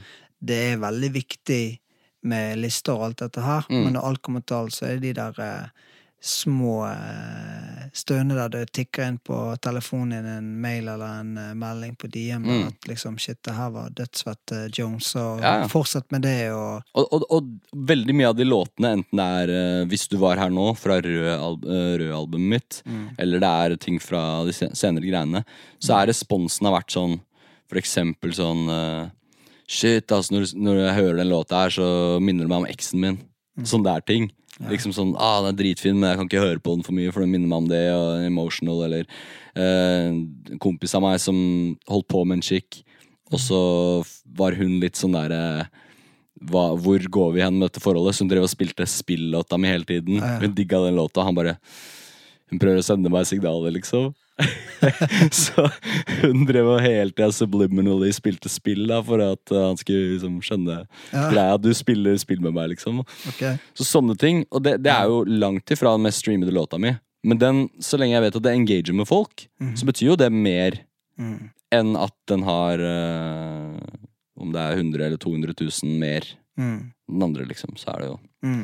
Når man får den tilbakemeldingen, så føler man at musikken har en direkte verdi. For den er en del av et menneskes liv, da. Ja. Men hvis du da får da en melding fra en Ja. som sier noe skikkelig kjipt, at uh, denne musikken din uh, trenger ikke holde på med det her, du. Du er drittdårlig til å rappe Ja. og Nei, men det er, er er mye klart bedre på beats. Ja, ikke sant? Nei, men jeg har jo uh, fått noen sånne, og det er jo klart det Mm. svir jo litt først. Men så tenker jeg sånn Hvem er du? Eller sånn sånn Du uh, Altså Den personen her har ikke vært eh, med meg på reisen. Mm. Den personen der payer ikke mine bills, så bare shut the f up, liksom. Fordi det har ingenting med meg å gjøre. Men eh, tydeligvis så uh, er jeg jo under huden til den personen, siden den føler for å sende meg en sånn melding. ikke sant? Mm. Så jeg tenker bare ok, det er irriterende først. Men som Drake sier uh, i et intervju en gang, så sa han at han har en sånn uh, tredagersregel. At sånn, gi det tre dager.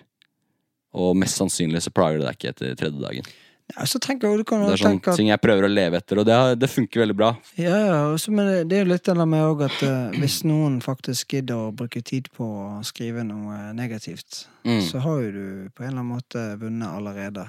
For Ja. at de, de bruker sin tid de egentlig kunne brukt til noe annet positivt. da. Ja, og, Altså, så er det med det å heller bli uh, Tenke at eh, at uh, en, en negativ kommentar, det er en ny vitaminpille Mm. som gir deg nytt uh, ny pågangsmot til å fortsette å gjøre akkurat det du driver med. absolutt. Og, og jeg, ser det, jeg ser jo på det som et tegn på at jeg gjør noe riktig. Mm. Fordi det er, mye, altså det er mye verre hvis ingen responderer. Mm.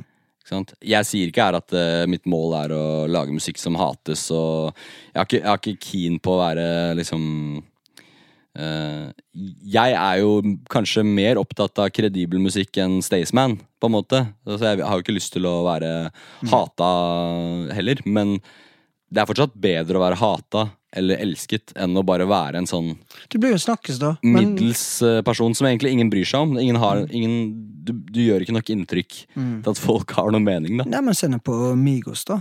Som er på Billboard Topp med DJ Khaled, liksom. Ja. Som har blitt uh, hatet mye for mumble rap, og, og Ja. liksom hvor, hvor langt de har tatt det, da. Ja. Altså, folk har en mening. Når noen eh, blomstrer, så er det alltid noen som vil prøve å dra ned. Hvor viktig er det for deg og på en måte andre i bransjen. Når du har, du har jo mange unge i studioet ditt. Mm. Uh, hvor viktig er det for deg å heie de fram? Og selv om du kan se at oi, her er det noen som bare tar helt av.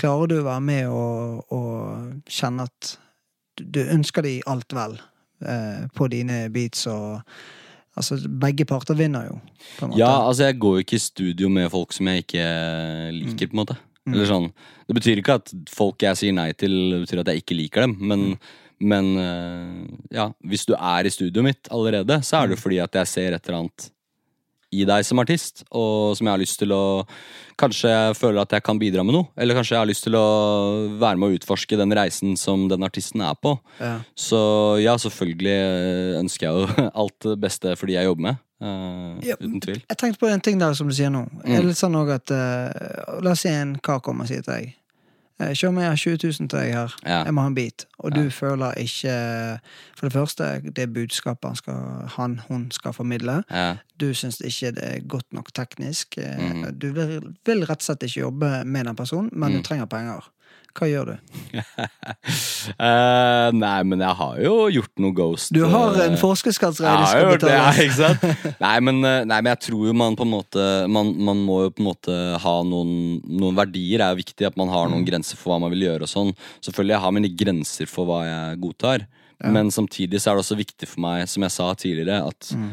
man ikke stopper opp. Jeg er ikke keen på å bli en sånn jeg er ikke keen på å være en sånn fyr som bare ah, shit, hiphop var bedre før, og liksom Mm. sitte i in the basement, og du skal ha så og så mange stavelser uh, på rim, og Mm. uh, fuck autotune, liksom, og sånn.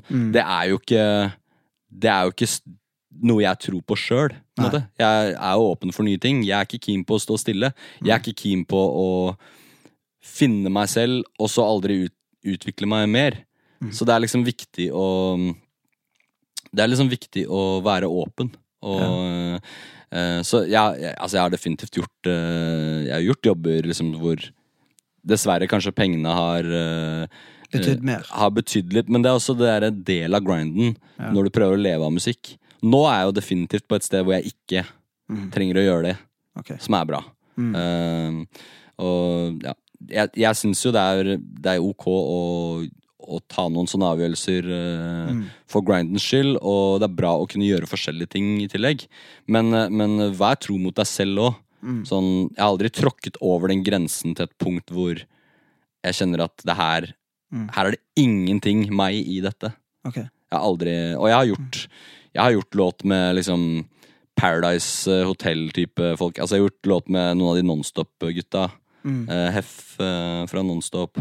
Som har gjort det bra. Som har streama til gull, liksom. Mm. Og, eh, men eh, jeg kan fortsatt stå inne for det. Ja. Um, og jeg syns eh, det ble liksom, Selv om det ikke er sånn rent kulturelt sett min ting, Mm. Så er det Det er liksom Jeg kan stå for det for det. Men ikke litt det at du behandler litt som en jobb òg, da? Altså at du, du gjør en jobb, eller er det mye det viktige her at du, det kunstneriske skal på en måte Det er ditt fotavtrykk Jeg som tror eh, at når du er jobb- med på produktet? Men jeg tror også at der har jeg en fordel ved at jeg er artist og produsent. Når jeg er artist, så kan jeg være mer streng og kan gjøre akkurat det jeg vil. Mm. Og som produsent så har jeg en integritet med at visse linjer tråkker jeg ikke over. Mm. Men det handler mer om hva som føles rett for meg. Og hvis jeg kan gjøre noe som føles rett for meg, så Mm. spiller det ikke noe rolle om det er med uh, Tix eller om det er med Altså, jeg mener. Jeg, kun, jeg, jeg føler jeg kan gjøre musikk med hvem som helst. Ja. Så lenge jeg kan gjøre det på en måte som jeg kan stå innenfor, da. Du er en showmee. Du er en showmee, rett og slett. Exactly. Men hva betyr det for deg å være en showmee? Hva vil det si å være en showmee for deg? Være en chummy, det jeg oversetter det direkte til å være kompis, rett og slett. Altså bare Ja. være noen man kan stole på, som stiller opp uh, for uh, vennene sine. Mm. Det, ja. Ja, Kjedelig, enkelt svar, altså, ja. egentlig. Det, nei, men, Var det godkjent? Ja, altså du, du er jo uh, showme, så Ja. eh, jeg tenker du må jo bare eh, si det som ligger på hjertet. Du er jo en mann som er med veldig mange mennesker nå, i studiosammenheng og utenom studium. Ja. Så uh, ja, og det er jo, som jeg sa tidligere, også liksom, viktig å I hvert fall med visse relasjoner som man bygger i studio, så Mm. er det veldig naturlig å snakke om livet og, Mm. og før vi helt tatt begynner å, å spille inn noe, så hører vi på musikk sammen, snakker om hvordan man har det. Mm. Um, Litt for å tune inn litt på hva en ønsker å formidle i den låten dere eventuelt skal jobbe sammen på. da 100% men også bare, ikke bare for låtas skyld, men bare for uh, samarbeidets skyld og for uh, viben i rommet. Man har ikke lyst til å være anstrengt og uh, Er dette noe du gjør fast, da? Som en ja, greie? ja, men det er liksom bare Spesielt når du jobber nye, med nye folk. Ja, men Det er bare naturlig uansett. Mm. Altså. Man, skal, man, skal liksom, man skal liksom være på rett sted når man lager Mm. musikk. Mm. Skal være um, avslappet og naturlig. Mm. Hvis ikke så blir det jo på en måte ikke bli, Det kan bli bra musikk, men mm. min erfaring så blir det bedre musikk at man Mm. er rolig, slapper av og har bygget tillit til hverandre. Det er sant. Preach. Da får du frem Da får du ofte Mm. frem de låtene som betyr noe. Og ikke bare de låtene som uh, er på samlebånd. Ja, ja. Relasjon før visjon, Bro. Lascivelli-prosjektet som jeg jobber på Ja, nå. Brits. Masse av låtene. Gled dere, folkens. Gled Låtene dere. som vi har gjort. Alt det Mm. kommer ut av real life samtaler, og, Mm. og, og det er noe jeg liksom pride myself in. At, uh, at artister sier til meg at de føler seg avslappet og trygge i studioet mitt til å åpne seg og til å snakke om disse ekte tingene med meg. da Mm. Og de, de låtene ikke hadde blitt til hvis ikke de kunne det. Mm. Og Det er derfor de velger å gå og jobbe med meg. Og det, det er liksom eh, Det er ikke noe på en måte som jeg uh, på en måte prøver å ta noe ære for, eller noe men det er jo veldig kult å høre det. Da føler jeg at jeg gjør noe riktig. Det er jo en veldig god tilbakemelding og noe som eh, beskriver deg som en showme, at du, eh, folk stoler på deg. Og Mm. blant annet, jeg har jo hatt eh, Nasri i podkasten òg, som òg eh, name-dropper deg, som sier at eh, yeah. den beste å jobbe i studio med, det er JNS. Wow, det er kult. Mm. Skjæras til Nasri. Nasri! Nasri. Showme! Pasning. Ja, langpasning. Mm. Du, og eh, tilbake til det her i greiene som jeg, eh, liker å stille folk eh, som kommer innom. Mm. Din guilty pleasure. Kan vi få eh, høre hva det er for noe? Show me. Oh, min guilty pleasure. Sang? Sang? Eller, nei, eller hva, hva mener du? Guilty Hva er, hva er din guilty pleasure? Har du en guilty pleasure som det kan være hva som helst? Altså, mener du da Det her må du sikkert klippe. Mener du guilty pleasure innenfor musikk? For det er det jeg forbinder guilty Ok. pleasure med. La Eller mener du bare generelt? Dette her klipper vekk, Ja. så sier jeg bare me, har du en guilty pleasure innenfor musikk? Jeg har ingen guilty pleasures. Bare pleasure. Har du bare pleasure? Ja. ja. Er du den som pumper Modern Talking til To Unlimited No No? Åh, jeg elska Two Unlimited når jeg var kid, ass. Sjøl, altså. Men eh, nei, men jeg, jeg, altså, jeg pleide kanskje å ha Jeg hadde kanskje noen guilty Jeg har noen guilty pleasures. Ehm, Samantha Fox? nei, jeg, jeg, jeg skal innrømme Jeg skal- Britney, come on! Nei, men Nei, Britney er dritbra. Um, Ok, det er visst shit, ikke jeg har jo en playlist på Spotify som heter Guilty Pleasures. Ja. Nei, har du det? som det er noen år tilbake. Tuller du? Men eh, nei, men en av mine guilty pleasures er vel eh, Jeg liker jo sånn eh, Kenny G og sånn, da. Kenny G er konge, det. Ikke sant? Ja, Skjønner det er ikke det, er Det det er ikke noe guilty i det, men det pleide å være det. det. er Fint, det. Nei, men jeg kan si Ok, hva skal jeg si, da? Guilty pleasure. Nei, Hvis ikke du føler du har noen jeg, Nei, vet du hva, jeg, nei, jeg står for det. Jeg har ingen guilt pleasures. Bare okay. pleasure. Ok, Da kan folk få lov å tolke det og grave og spørre. Send eh, JNS en DM og ja, hva Ja. dere måtte få lyst til å gjøre. Men uh, du har jo vært litt på det her med hva suksess egentlig betyr for deg. Yes. Men hvis du kan si det med kort oppsummert, hva betyr ordet suksess for deg, JNS? Frihet. Frihet. Ok. Til Jeg skulle bare si det enkelt. Frihet. Ja, det er veldig sant. Du, hva irriterer deg mest? Oh. Oh. Du har jo vært irritert på meg noen ganger. Ja. Opp gjennom årene. Ja, ja. Har ikke det? Nei, men altså kan, Man kan jo bli irritert, kan man ikke det? Jo, man kan det. Men uh, Kan bli det på damene til og med. Ja, ja. Nei, men uh, irritert uh, Nei, men det har vært mye frustrasjoner eh, for så vidt i bransjen. Dårlig kommunikasjon. Dårlig kommunikasjon. Det irriterer. Det irriterer meg mye. Folkens, kommuniser. Yes. Dere hører. Jeg var fornøyd med svaret. Ja, det var faktisk veldig bra. Du, dine tre mest Det her vet jeg er ganske vanskelig, for du har produsert veldig mange låter. Ja. Men har du noen, la oss si tre favoritter? Det må ikke være liksom én, to, tre for alltid og evig, men har Mm. du noen låter du bare tenker de der er superstolt av? Mm. Av og produsert. Tre låter jeg har produsert. Jeg må si uh, Vi flyr med Brits og Isa. Den er jeg veldig fornøyd med.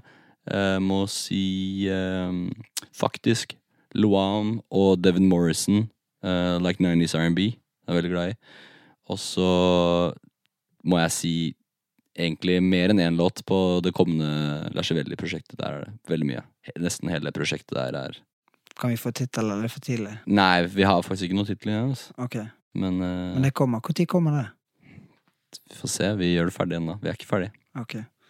Men av låter du har gitt ut sjøl, har du noen tre toppfavoritter? Uh, ja, jeg er veldig glad i Hvis du var her nå. Veldig glad i Takk for alt-låta. Mm. Eh, veldig glad i eh, Ja, egentlig Gråter uten tårer, men det er liksom For meg, alle prosjektene mine er eh, så forskjellige. Så jeg har liksom Jeg har noen Jeg kunne sikkert hatt en topp tre, i hvert fall per prosjekt, da.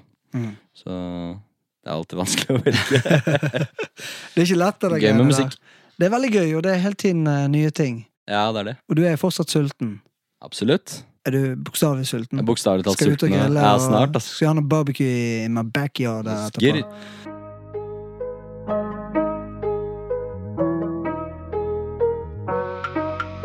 Tjommi, vi har jeg har fått eh, fisket litt, så jeg har, stilt, eh, jeg har stengt ut eh, trynet mitt på disse her sosiale medier og spurt. Er det noen som har noen spørsmål til Mr. Janus? Og det er det.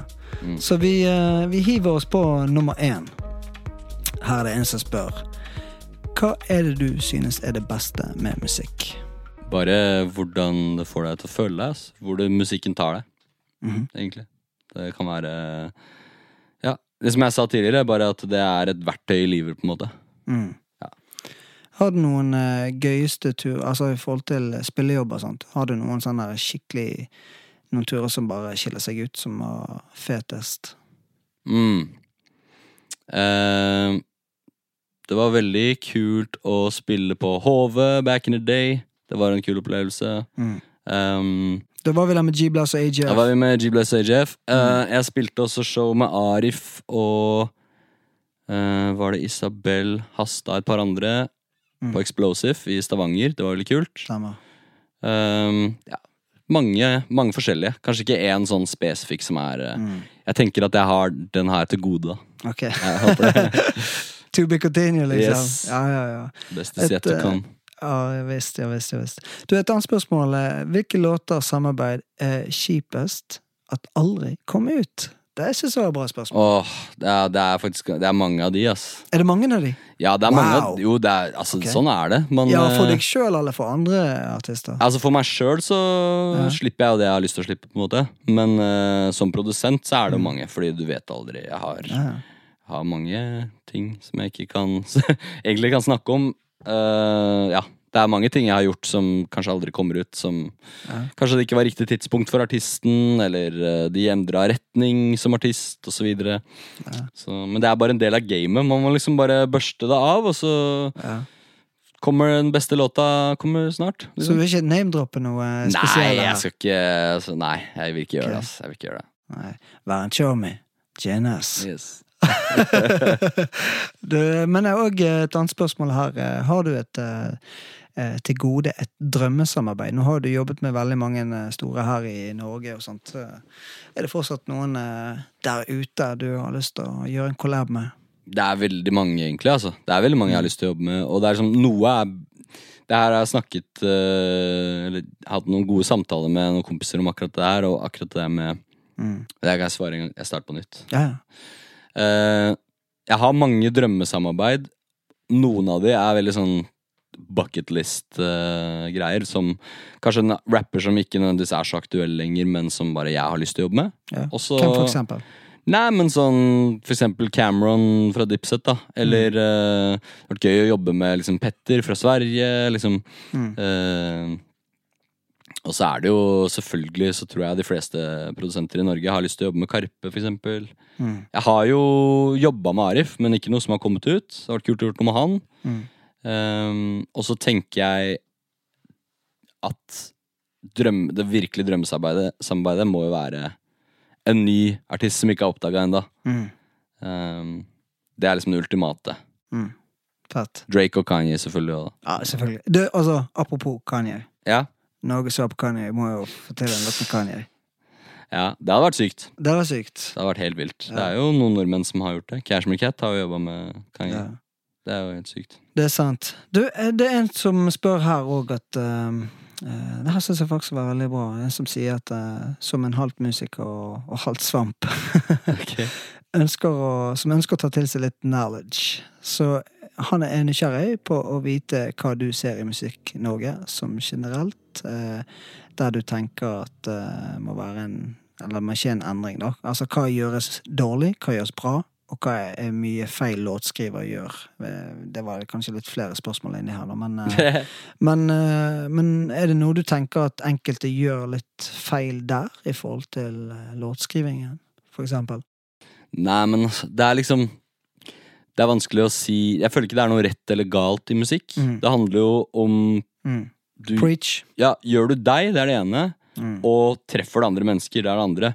Men så er det så mye som kan spille inn på om det, om det treffer andre mennesker. Har de hørt deg? Hvordan blir de hørt? Mm. Om de har hørt deg, liker de deg, liker de deg ikke? Mm. Det er litt sånn Det er vanskelig å si hva folk gjør feil eller rett. Det er liksom uh, like mange svar som det er mennesker på, Mm. på, på det. Um, Hmm. Men jeg vil jo uansett si at uh, det folk er veldig flinke på nå, er liksom pakka si og image, og yeah. kids nå er veldig sultne, veldig Mm. gira på å bli artister og sånn. Mm. Um, det jeg savner, er at eh, folk er litt mer tålmodige. Jobbe med seg selv. Preach. Jobb med craftet ditt. Bli flink. uh, og tenk at liksom, Ikke for å høre sånn elitist ut, eller noe sånt, men Mm. fortjen spotten din. Mm. Ikke bare prøv å snike deg inn, liksom. Fordi det er ikke sånn det funker.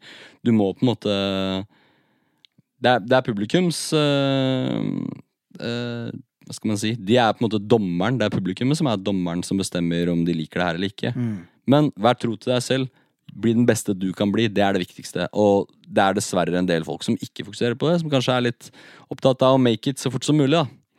Så Oh, her kommer det med mye vise ord. Det her er voksenpoeng, altså. Ja, ja. Her er man som snakker av erfaring. Det her var vise ord. Eh, Mm. Hør og lær og jobb. Og ta til dere det, det han sa der. For det, Mm. det, er òg her et spørsmål på at liksom, når følte du var inne på rett spor med musikken? Altså, når følte du at du utviklet deg eh, nok til å kunne kjøre på med miks og produksjon og Mm. tilby det for andre, eksempel? Ja, men det òg. Det, liksom, det er ikke noe tid hvor du er klar for det eller ikke. Du må bare kjøre på. Men var det et Og- tidspunkt der du følte at nå er god nok til å kjøre på enda mer? Eller har du bare jobbet? Nei, men altså, jeg har jo på et tidspunkt hvor jeg ikke var god nok, følt at jeg var det òg. Mm. og det er jo veldig takknemlig for at jeg hadde den mangelen på selvinnsikt, på en måte. yeah. Fordi jeg hadde det så gøy med min egen utvikling, og så gøy med Mm. Jeg mestret dette. Fett. Ikke sant? Og kanskje det med mestringsfølelse og ha det gøy med musikk er det viktigste Mm. når du starter, eh, og egentlig hele karrieren din. Mm. Fordi det er sånn Hvordan Hvordan kan en artist som Drake fortsatt pushe grensene? Hvordan kan en gruppe som Karpe fortsette å finne nye nivåer for suksess? Mm. Altså at eh, De har jo solgt ut Spektrum De hadde solgt ut Spektrum én gang, så solgte de ut Spektrum tre ganger. ja, Nå er selger de ti ganger, og de har Ja, det et sykt. hus Ja, ja. som Altså sånn Jeg var ikke der, så jeg klarer ikke engang å gjengi eh, hva det var, men det hørtes helt sykt ut. Mm. Og da er det litt sånn Det handler liksom om Det handler om uh, din egen tankegang. Det er det eneste som begrenser deg. ikke sant? Mm. Og at du må på en måte uh, Ja. Jeg tror du folk Ikke, ikke tenk overtenker at for mye. Altså, Ja, kanskje, og folk kanskje bryr seg ja, hvorfor? Hvorfor tenker vi for mye på det? Eller? Er, vi, er vi redd for å feile? Er det det for at det er for Ja. mye folk som Altså I, I og med at det er så mange som popper opp nå i, i norsk musikk, og det er Ja. veldig bra, men er det det at man blir redd for å ikke klare å komme gjennom nåløyet? Ja, men altså akkurat nå så Og det her er jo sånn type ting som for eksempel Marius i YLTV Mm. har snakka mye om. Det at det virker jo ikke som at mange av disse kidsene er redde for det i det hele tatt. De er bare Altså, folk er bare sånn Når kan jeg være på kanalen din? Ikke sant? De er sulten. Ja, folk er sultne, men, Uredd. men men uredd, og Mm. kanskje ikke så opptatt av uh, Er dette bra eller ikke, da? Mm. Så Hæ.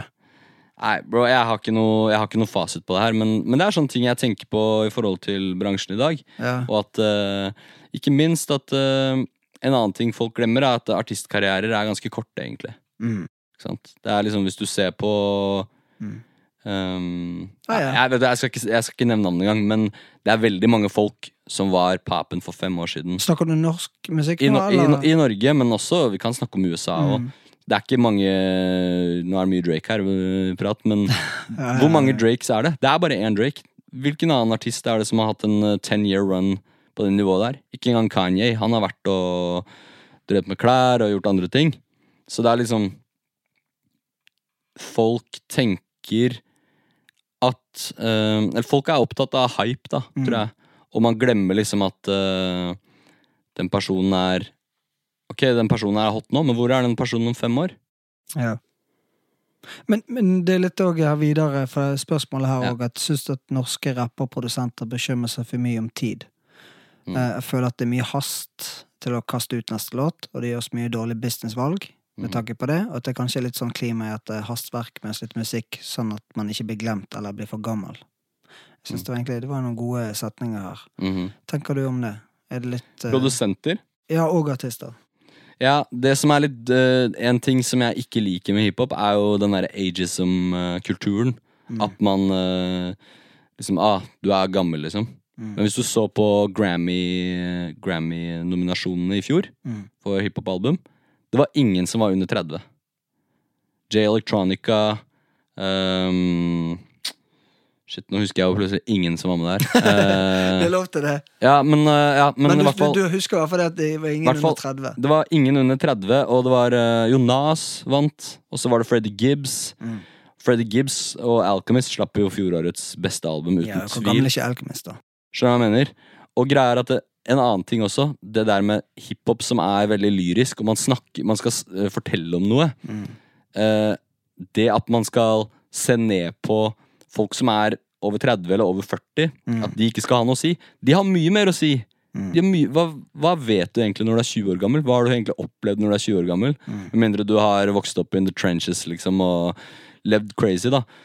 Jeg syns det er mye kulere å høre Benny the Butcher snakke om uh, livet hans på gata som har kanskje vært i 20 år. Mm. Ikke sant? Han er i 40-årene nå, og han lager noen av den kuleste rappmusikken jeg har hørt i mitt liv. liksom Så jeg syns det er veldig dumt at folk tenker Mm. at de er for gamle. Fordi rap trenger ikke å være en young man sport, egentlig. Uh, og med produsenter er i hvert fall ikke en young man sport. Er det sant. Fordi du kan være Du kan være 60 år gammel og lage dope shit, liksom. Altså Se på Giorgio Morodor. Han er jo i 80-årene, og han har gitt ut musikk liksom fortsatt. Og han har classics på classics, liksom. Max Martin, en av verdens største produsenter, holder fortsatt gående.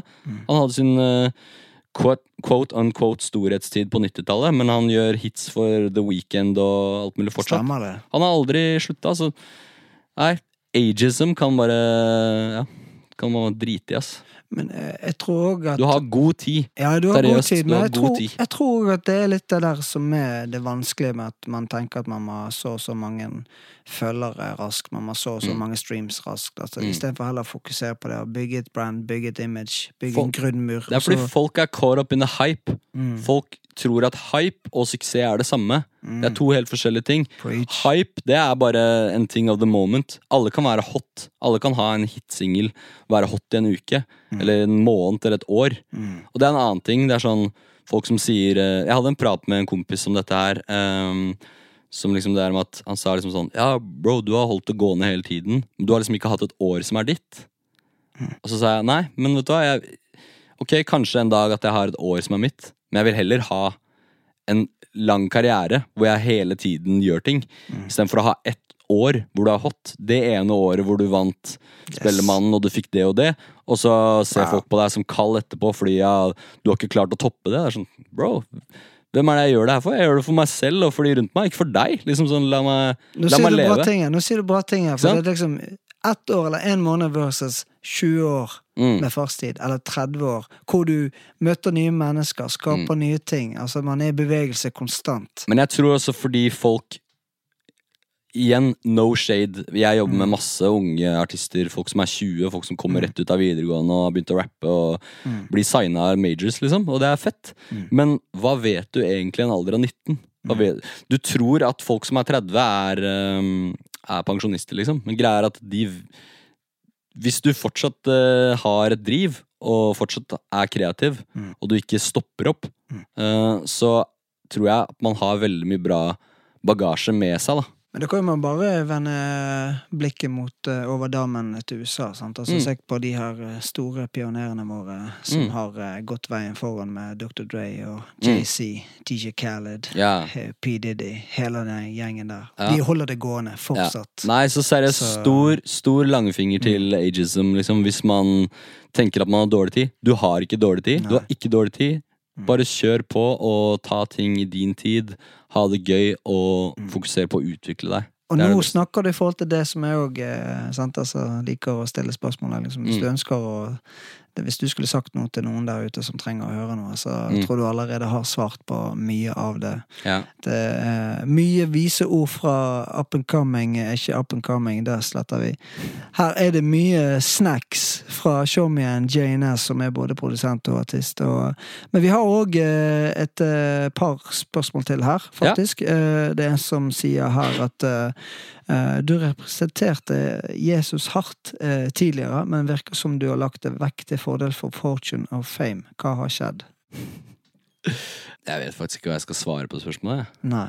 Jeg vet faktisk ikke hva jeg skal svare på det. Det er liksom Fordi Ja, ja men eh, ja. På en måte så har jeg jo Jeg har jo vært veldig åpen om troen min. Mm. Men jeg har jo ikke, jeg har ikke Min jobb har jo ikke vært å Jeg har aldri sett på min jobb som artist å representere eh, noen gud, på en måte. Jeg har representert meg selv, og troen min har vært en viktig del, og er fortsatt en viktig del av livet mitt. Ja, for du ga jo ut en eh, julelåt som, eh, Mm. eh, som vi har på playlisten vår hver Ja. jul. Som Ja, ja. er veldig sterk og fin, som du har formidlet, eh, Mm, og spilt i kirken, blant annet. absolutt. Så og det kjenner jeg jo Og den deg- har jeg fått eh, Den, den, den sa jo Kristine Danke spilte den på julaften og sa det var en snø, som han heter. Yes. Mm. Og jeg husker Nora-gutta var veldig glad i den, og spilte den for Nico Sereba når jeg var i studio med Nico Vince, eller eh, i studio med Nico, da, Mm. for noen år siden. Han syntes den var helt konge.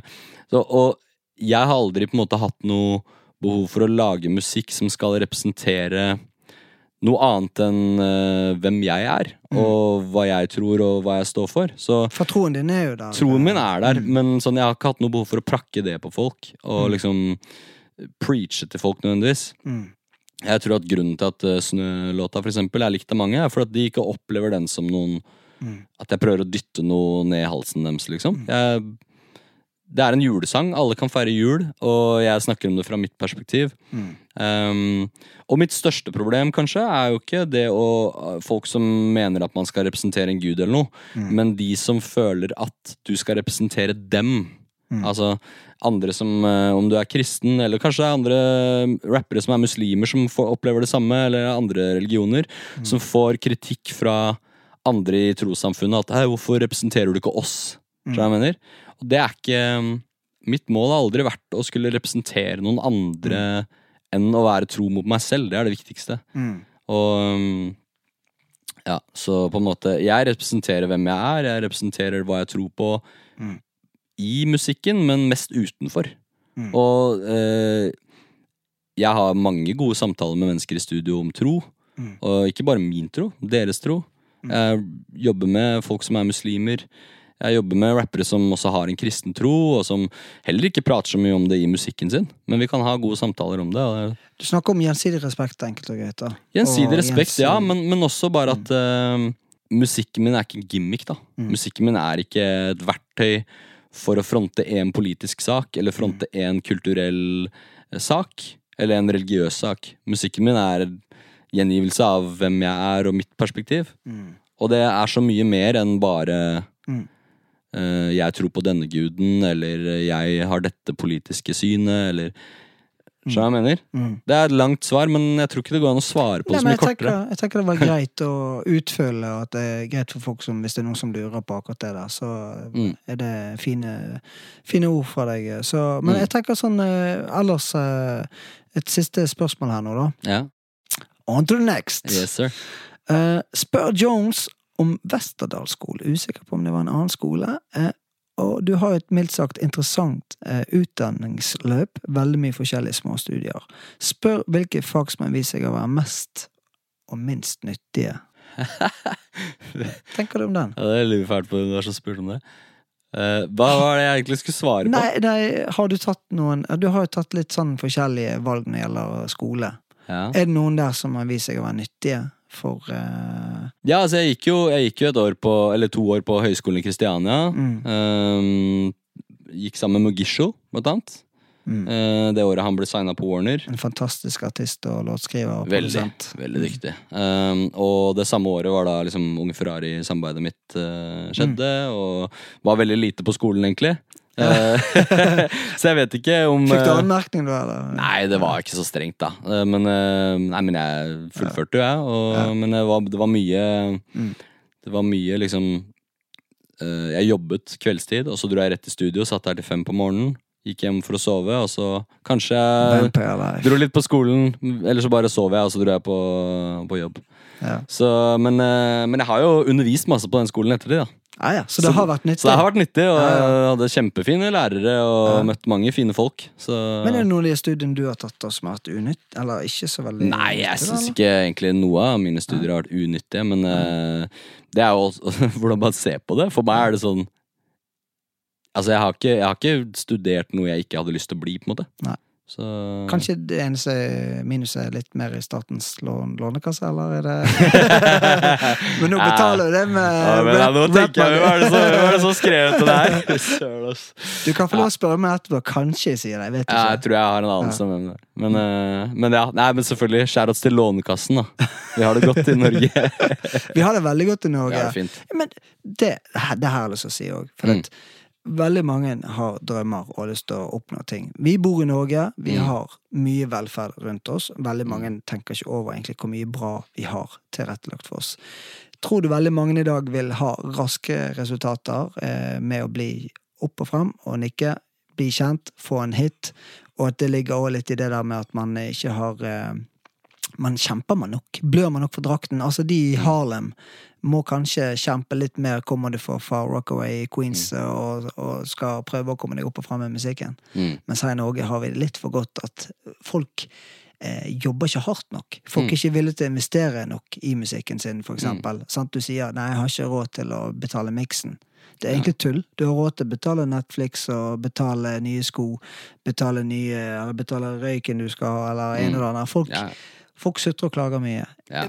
Er ikke litt enig i at vi, vi, vi har mye Vi har det veldig godt? Ja, og det er jo litt sånn øh, Jeg tenker jo at øh, Kanskje det er litt klisjé, men det er jo ofte sånn at den beste musikken eller beste kunsten kommer jo ut fra et behov. Altså all den beste designen har en funksjon. Mm. Uh, hvis funksjonen din er at øh, Som DMX, da. Mm. Ikke sant? Livet hans var jo som skapt for, uh, for musikk, fordi at Ja, ja, definitivt. det er, så, det er så mye juice, da. Det er så mye å snakke om, og så fascinerende person. Berg-og-dal-bane. Berg-og-dal-bane, men det blir så bra musikk ut av det, ikke sant? Livet på godt og vondt. Enkelt og greit. Ja. Det er det, sånn at mm. da må man også se hvorfor Mm. Hvorfor ha en låt som Sommerkroppen, eller eh, Så jeg mener, hvorfor, Ja, ja. hvorfor funker de tingene i Norge? Jo, Ja. fordi at eh, vi har det så bra. Hm. Så jeg mener, Det er det folk kan relatere til. Mm. Majoriteten av folk kan relatere til disse sangene. Raske briller. Mm. Shoutouts til Anders Nilsen, forresten. Han står bak alle de der. Skal jobbe med han snart nå, i studio. Ja, det skal det. Ja. Ja, ja. Men, men eh, det, er, eh, jeg tror- det er liksom den musikken som resonnerer veldig mye med nordmenn. Da. Fordi at det er eh, liksom den kulturen vi har her. Mm. Og, mm, mens eh, liksom, det er en grunn til at hiphop kom fra New York. Fordi hvordan Altså, the state of New York eh, liksom, Altså, jeg mener hvordan det var i New York på den tiden, på slutten av 70-tallet, hvor det var bare masse poverty og abandoned buildings og branner hver uke og gang, eh, og gang violence og alt det der. Det var jo realiteten, liksom. Mm. Hvis alle hadde sittet og sippa parasolldrinker, liksom, så hadde det ikke blitt hiphop-musikk. Mm. Så det er sånn Ja. Jeg tror bare ting skjer på naturlig vis, og du kan ikke fabrikkere Du kan ikke fabrikkere god musikk eller uh, gode historier, liksom. Det kommer fra et sted. Mm. Men Janice, du flyttet jo til Oslo for å satse og Ja. jage den uh, drømmen din og Mm. få til artist. Som alle andre artister. Ja, men må alle andre det? Må alle, Hvis du bor i Harstad, Mm. er det helt umulig da å klare å lykkes? eller om du bor i Florø, eller om du bor i Mm. Indre Sogn, eh, må du til Oslo. Jeg tror du kan bo eh, et annet sted, men hvis du skal ha en, en eh, god karriere som artist, for eksempel, så kommer du til å måtte reise veldig mye til punkter hvor du kanskje Mm. ikke har lyst til å bo der lenger. Eller Mm. det er veldig mange som flytter til Oslo fra større byer også, fordi at mm. det er liksom der bransjen er. Det er der Mm. Eh, Og det er liksom noe med det å kunne treffe bransjefolka Om du randomly går i byen en dag og treffer på noen, Mm. det, kan bli til, det kan bli til en låt som forandrer karrieren din, eller Mm. et samarbeid, eller en eller annen ting. Så det er veldig mye av det som skjer eh, tilfeldig, som dikterer eh, Mm. Kan være at man er på en fest eller afterparty med noen som bare Hei, du, du skulle ikke gjort en session en dag. Og de tingene kan du ikke gjøre når du sitter eh, Sitter på, Toten, på Toten, liksom, og Skjønner? Så Mm. jeg tror, tror det er viktig å dra til Oslo, faktisk. Så, så du kan ikke være en eh, EDM-produsent og sitte i Kautokeino og produsere en stor megahit, altså. Jo, Det kan du. Du kan det. Men det er ikke det samme som å være Ja, det er et godt poeng. Du kan det som EDM-produsent, Mm. fordi ofte måten de jobber på, er at de får tilsendt Mm. uh, a cappellaer eller tilsendt ting av andre artister. Så Så det da, så da har vi felles uh, budskap her til dere som sitter eventuelt der. I Kautokeino. Eller i uh, indre De indre skoger der det ikke så mye internettdekning. Så Nei, er det, faktisk, det er faktisk et håp der. Ja, og vet du hva, det er Og det er muligheter. Det blir også feil å si at man ikke kan eh, lykkes uten å flytte til Oslo, for det Ja. kan man. For hva er å lykkes? Jeg måtte spørre. Hva er lykkes, Jones? Men det har jeg svart på tidligere. Ja, du har det. Vi trenger ikke gå inn på det igjen. Der ser du repeaten. Uh, gå, gå på Repeat-knappen. Nei, men altså, det er jo uh, Hva var det vi sa nå, egentlig? det er helt ut av. Du bare hadde en. Segway inn til et gammelt spørsmål ja, som har stilt meg tidligere. Ja, det var bra, det var bra. Vi stoppet oss der. Eh, Hva var det du sa rett før det her? Du kan bo Nei, men altså, oppsummert, da. Ja, Oppsummert. Oppsummert spørsmålet. Okay. At eh, jeg tror man kan lykkes Ja. hvor som helst i verden pga. internett, men jeg tror at i Norge Mm. så er det veldig mye lettere hvis du er der ting skjer. Fordi at veldig mye av Mm. uh, de tingene som skjer, som kan styrke karrieren din sånn, er ofte tilfeldigheter. At man møter på noen Mm. på den festen eller uh, i byen på en eller annen ting. Mm. Det er utrolig mye samarbeid som jeg også har hatt, som har skjedd på den måten her. Jeg tror det som er viktig der, er at først og fremst du som har en drøm om å bli artist eller produsent, eller hva det er for noe, så må du definere hva er viktigst for deg, hva er dine konkrete mål, mm. hvor, hvor langt ønsker du å komme, mm. og hva må du gjøre, hvilke valg må du ta for å komme der. Mm. For det er liksom, ok, hvis du vil da jobbe med folk som holder til i Oslo, ja, men flytt til Oslo. Mhm. Hvis du ønsker å jobbe med en kjent uh, artist som synger dritfett i Canada, Mhm. og det er IDM-sjangeren, ja, men send en uh, melding på innboksen på Instagram, eller prøv å Mhm. få tak i hvem som er manager der. Mm. Altså, mulighetene er store, men jeg Ja. tror, det er Det viktig her å definere hva er målsetningen din her. Ja. Og det finnes ikke noe fasit. Altså, Nei, det ikke noe fasit. Jim, Jimmy Somewhere, for eksempel, Mm. eh, er en amazing artist mm. fra, Mm. fra Norge, som er signa i utlandet, og som bor i, ja, som signa i USA, liksom. Og bor i Oslo. Ja. Alt er mulig. Uh, uansett om musikken din er bra, og om produktet ditt er bra. Alt eh, er mulig. Så er alt mulig. I hvert fall innenfor uh, musikken så er det om hvor gammel du er eller ikke. Det, det Mm. er rett og slett eh, Det handler om å bare jobbe og utvikle seg, og Mm. eh, prøve å nyte reisen. Så, Og ikke minst det der uh, uh, Du sa et eller annet veldig bra i sted her. Du sa 'vær tro mot deg sjøl', Mm. eh, og 'trust the process'. ja, det det sa jeg ikke, men Det sa jeg nå. Ja, fint. For eh, nå må vi runde av. Nå ser vi snakket sinnssykt lenge. Jeg lovde egentlig fruen her ute, de står her og tripper nå, er klar Ja. for noe burger. Yes. Skal vi, Jeg henter meaten, du krydrer meaten. Og så er det god stemning, gleden i freden, og vi tar og sier Janus. Det var meget hyggelig at du stakk innom her. Det gleder Sørland på bibelbeltet. Ja. Men du, damene våre står og venter på oss nå, så Ja. vi må runde av her, Janus. Det var Yes. meget hyggelig å ha besøk av en chommy oh, som deilig. går way back, og det er jo ikke så mye vi ses eh, nå om dagen, men det er liksom det der godt å komme sammen igjen, og, Mm. og da er det liksom Snakke om gode, gamle dager, og snakke om det som skjer nå. Er det som kommer. Og det som kommer. Og til dere der ute som følger med på podkasten Vær en showmy.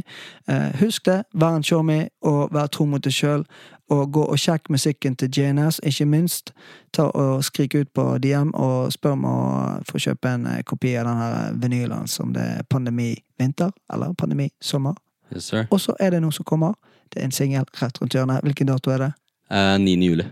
9. juli, og den heter Diddy, Featuring my, uh, Michael Augustin. Show me her. Bless up. Bless up. Det her er Peace. JNS.